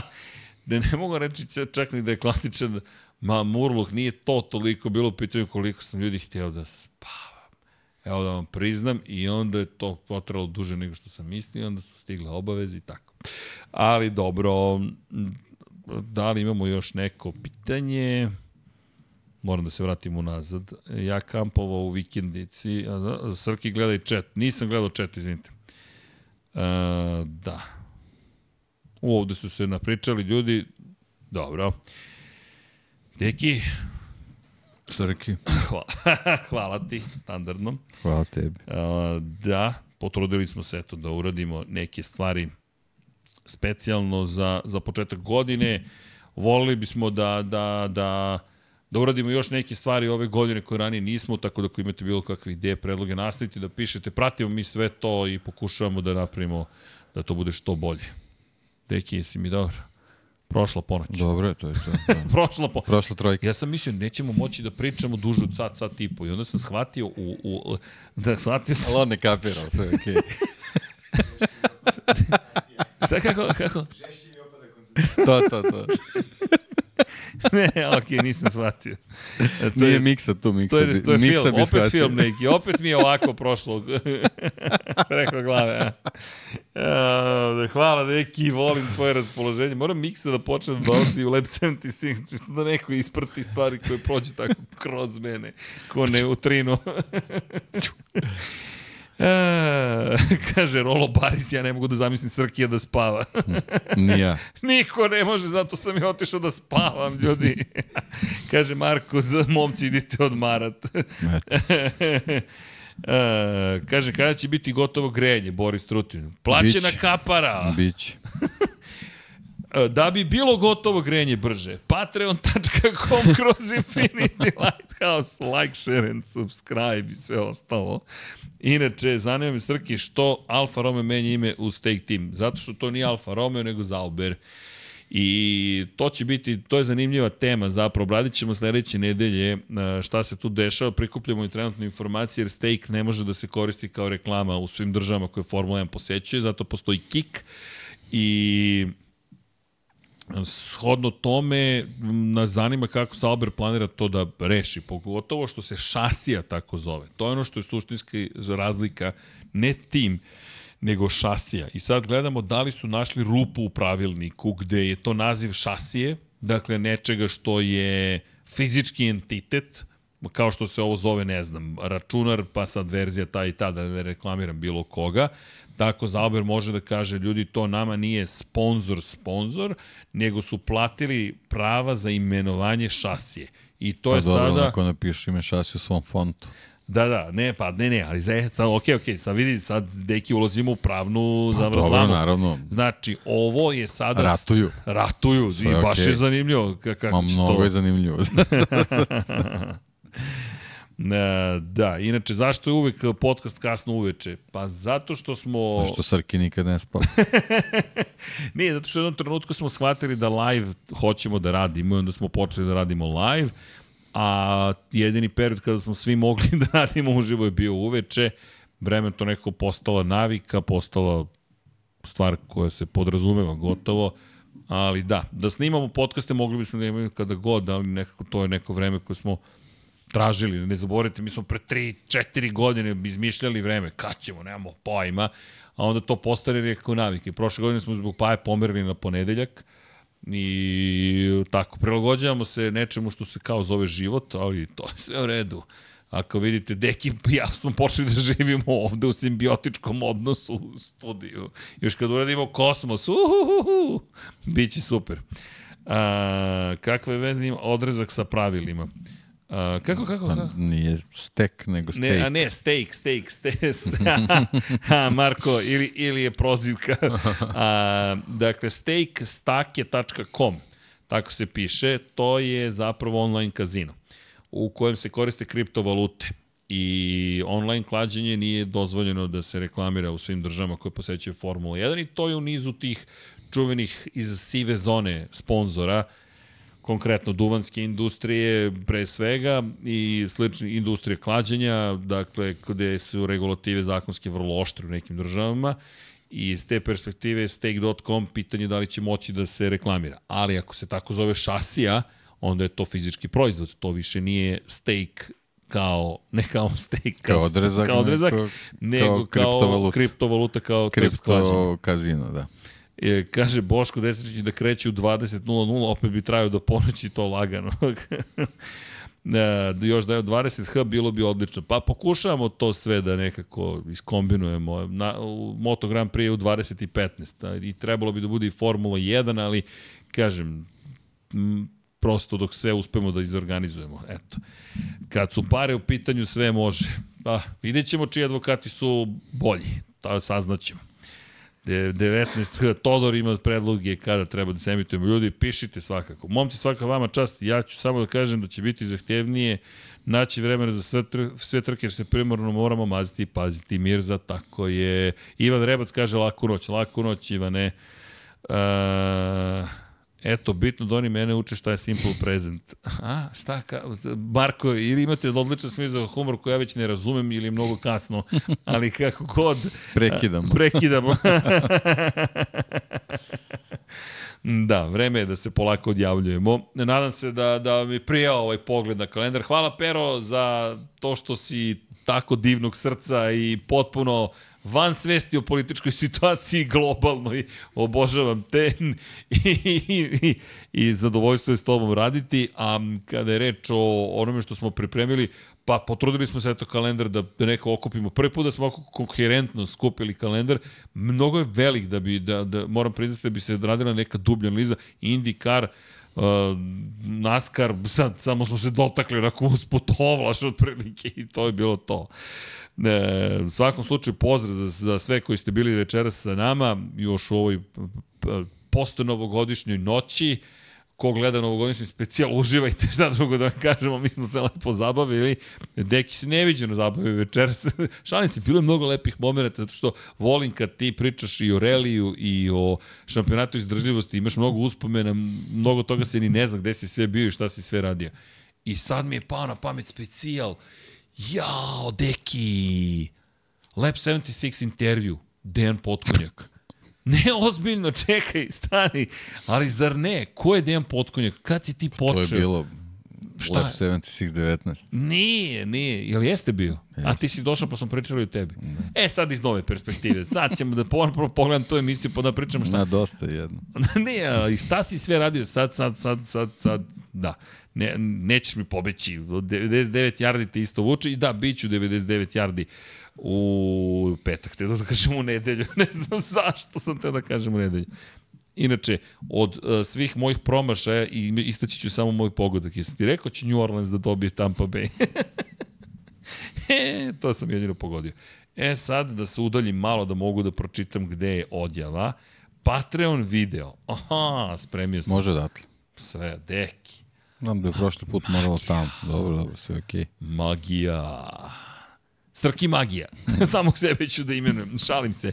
A, ljudi, hvala vam još jednom. Čekaj da prebacim na trojčicu. Opa, hvala još jednom. Budite dobri, mazite se i pazite se i vodite i vozite računa jedni od drugima. Hvala Ani i Luki što su došli večeras. Jeste se zabavili? Niste zaspali, to nam je bio prvi cilj. Ana je malo, u jednom minutu duh je krenuo da, da klone, ali, ali smo se izvukli da je to je nekako barometar zanimljivosti emisije. Kad gosti tu počnu da spavaju, onda znamo da je super emisija, jer će se vrtati na, na lupu na, kroz YouTube noću ljudima, jer ih lepo uspavljaju. I onda, onda to. Ne znam ko ti je rekao da imaš onaj glas što To je davno bilo. da, što budi kako žmart, Nešto, žmarti da, se pojavljuju u neki- kičmi neki termin su iskoristili, Da, da. da, i to je valjda neka medicinska zapravo, nije ni bitno. A, u svakom slučaju, like, share, subscribe, vozite se, mazite se, pazite se, vozite računa jednim drugima, budite dobri i posebno zahvalnost našim Patreonima i članovima. Ko želi da nas dodatno podrži, može da klikne join ili kako god da piše, koji god jezik da koristite na YouTube-u.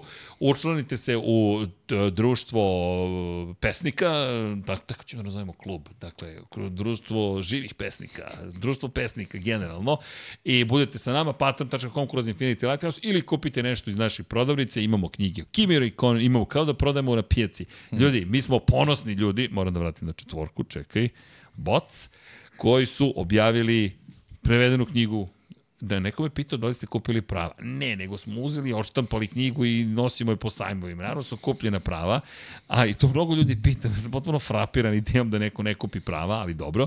Formula 1 šampioni, Kimi Raikkonen, Dekijeve knjige, o Ayrtonu Seni i Mihajlu Schumacheru, imamo knjigu o Valentinu Rosiju, o Marku Markezu Imamo i dinastiju koju ste me upravo pitali, dobili smo odgovor od advokata za nešto što smo pokušali da uradimo sa koricama, odbijeni smo, ide stara korica, sve je spremno i e, uskoro ćemo imati i nju na stolu, tako da znate, hvala vam puno za strpljenje oko cele te situacije, a puno nam novih knjiga stiže u ovoj godini, mnoge su već i prevedene i sad su u završnim fazama priprema, a ja još nisam rekao ni koje su sve. Ha! I neke se nije bitno šta, ali pojavljuju I uskoro. Neću I neću ništa da Dobro. da kažem. Ali, ljudi, volimo vas, budite dobri, idemo da pročitam imena svih članova Patreona i svih naših pokrovitelja, a onda naravno da se pozdravimo za prvi podcast Lab 76 u 2024. Pa nek nam bude zabavno, ljudi, preko 360 trka ćemo imati koliko smo ustanovili, bit će zabave e, od jutra do mraka. Jedino što je se malo napakao onako čudo. Ali, da se mi pozdravimo, pa, stvari da se javimo svima i onda da se pozdravimo. Krećemo u akciju. Dakle, hvala Nenad Đorđević, Branimir Rijevec, Milan, Jelena Veljković, Katarina, Jelena Mak, Optimistik, Josh Allen Fan, Ivan Panajotović, Branimir Petronijević, Nedim, Stefan Lešnjak, Petar Nujić, Simović, Sarajevo, Đorđije Lopušina, Jovan Đodan, Stefan Radosavljević, Mlađan Antić, Ljubo Đurović, Ivan Rečević, klub štovatelja Ramona Mireza, Petar Relić, Šefko Čehić, Benđo Kaka, Nenad Pantelić, Marko Radanović, Mirena Živković, Marko Kostić, Vladidov Dejv, Strahinja Blagojević, Milan Nešković, Marko Horg, Igor Gašparević, Ružica Stefanović, Nemanja, Daniel Kolobarić, Stevan Zekanović, Bojan Bogdanović, Milan Ristić, Boris Gvozden, Grgo Živaljić, Vladimir Petković, Ivan Maja Stanković, Nikola Milosavljević, Alen Stojčić, Sead Šantić, Đorđe Andrić, Laslo Boroš, Bogdan Uzelac, Ivan Ognjen Ungurjanović, Stefan Dulić, Đorđe Đukić, Renata Neš, Vladimir Stojadinov, Mihovil Stamičar, Armin, Mario Jelena Komšić, Danka, Bojan Majstorović, Blufonac, Šmele, Davor, Goša 46, Aleksandar Milosavljević, Kovačević, Omer, Miloš Prodanović, Đorđe Milanović, Denis Špoljarić, Branimir Kovačev, Predrag Simić, Sava Dugi, Anonimus Donatorus, Marina Mihajlović, Mladen Mladenović, Marko Ćurčić, Stefan Vuletić, Dejan Vujović, Dušan Ristić, Branislav Dević, Boris Erceg, Stefan Milošević, Vučinić Miroslav, Jugoslav Krasnić, Dušan Petrović, Marko Petrekanović, Vukašin Jekić, Ivica, Luka Martinović, Zoran Baka, Tijana Vidanović, Crnogorski Jedi, Miloš Rašić, Džigi Bao, Dorijan Kablar, Bojan, Marin Antunović, Mario Vidović, Marko Mostarac, Salim Okanović, Ognjen Grgur, Kosta Ivanov, Darko Trajković, Deus Nikola, Bojana Zrnić, Admir Dedović, Nemanja Jeremić, Zoran Cimeša, Srđan Sivić, Vukašin Vučenović, Marko Marković, Branislav Marković, Daniela Ilić, Đole QB4, Damjan Veljanoski, Monika Erceg, Luka, Jelena Jeremić, Alen Vuletić, Dimitar Vasilev, Životić, Jovan, Zoran Šalamun, Marko Blagojević, Nebojša Živanović, Tijana M, Luka Savović, Đerman, Žorž, Nikola Marinković, Lj Đurović, Stefan Prijović, Milan Milašević, Filip, Peđa Janković, Bogdan Mitrović, Matija Rajić, Miroslav Cvetić, Đole Bronkos, Ivan Čule, Matija Binotto, Antonio Novak, Nenad Simić, Tina i Ilija, Sean Hing, Jasenko Samarđić, Aleksandar Mitrović, Laslo Bolok, Jeca N, Stefan, Ivan Ciger, Ferenc Laslofi, Mladen Tešić, Lazar Pejović, Veselin Vukićević, Nikola Beljić, Vladimir Uskoković, Ertan Prelić, Klub Miloš Radosavljević LFC, Borislav Vukojević, Robert Čolić, Dejan Alvić, Andreja Branković, Mirena Kovačević, Stefan Ličina, Dragan Nikolovski, Bahtjar Abdurmanov, Predrag Pižurica, Neđo Mališić, Aleksa Lilić, Vamblisapa, Armin Durgut, Boris Golubar, Da žena ne sazna, Živojin Petković, Stefan Janković, Luka Klaso, Toni Ruščić, Jugoslav Ilić, Nedo Lepanović, Ivan Milatović, a, Emir Mešić, prom promaklo mi ime, Đorđica Martinović, Borko Božonović, Aleksa, Đorđe Radojević, Hrvoje Lovrić, Ljiljana Milutinović, Zorana Vidić, Vojin Kostić, Nemanja Miloradović, Nenad Ivić, Boris Radović, Klara Gašpar, Branislav Milošević, Aleksandar Čučković, Kimi Rajkonen, Igor Jankovski, Nedim Drljević, Branko Bisački, Stefan Vidić, Aleksandar Radivojša, Aleksandar Inzolin 13, Andreja Josip Kovačić, Aleksandar Antonović, Anonimus Donatorus, Nemanja Zagorac, Zoran Majdov, Bojan Markov, Boris Kujundžić, Kristijan Šestak, Ante Primorac, Stefan Stanković, Andrej Bicok, Andrija Todorović, Milan Kića, Zoltan Mezeji, Zar, Žarko Milić i Milan Paunović, Bata Brada, Miloš Banduka, Vladan Miladinović, Borislav Jovanović, Andrej Božo, Luka Manitašević, Nikola Stojanović, Miloš Vuletić, Aleksandar Banovac, Ivan Sović, Ivana Vanja Radulović, Bojan Mijatović, Andreja Miladinović, Zlatko Vasić, Aca 43 Zla, Safet Isljami, Dejan Avić, Milan Apro, Aleksa Jelić, Aleksandar Bobić, Marko Trkulja, Ivan Simeunović, Stefan Nedeljković, Đole Cheesehead, Gloria Edson, Vladimir Mutić, Dragan, Dragan Matić, Vlada Ivanović, Marko Kozić, Ivan Rebac, Martin Kašpar, Mihajlo Krgović, Strahinja Brajanovski, Aleksandar Jurić, Aleksa Valter, Jasmina Pešić, Novak Tomić, Aleksandar Anđelić, Dušan Delić, Lukas, Aleksa Vučaj, Nemanja Labović, Nikola Božinović, Saša Ranisavljević, Kristina Ratković, Dimitrije Mišić, Igor Vučković, Anonimus Donatorus, Branislav Kovačević, Dejan Đokić, Miloš Rosandić, Dario J, Matej Sopta, Mladen Krstić, Miloš Todorov, Dejan Janić, Ognjen Marinković, Vladimir Jovanović, Nikola E, Vladimir Filipović, Nikola Grujičić, Vuk Korać, Marko Bogavac, Ivan Toškov,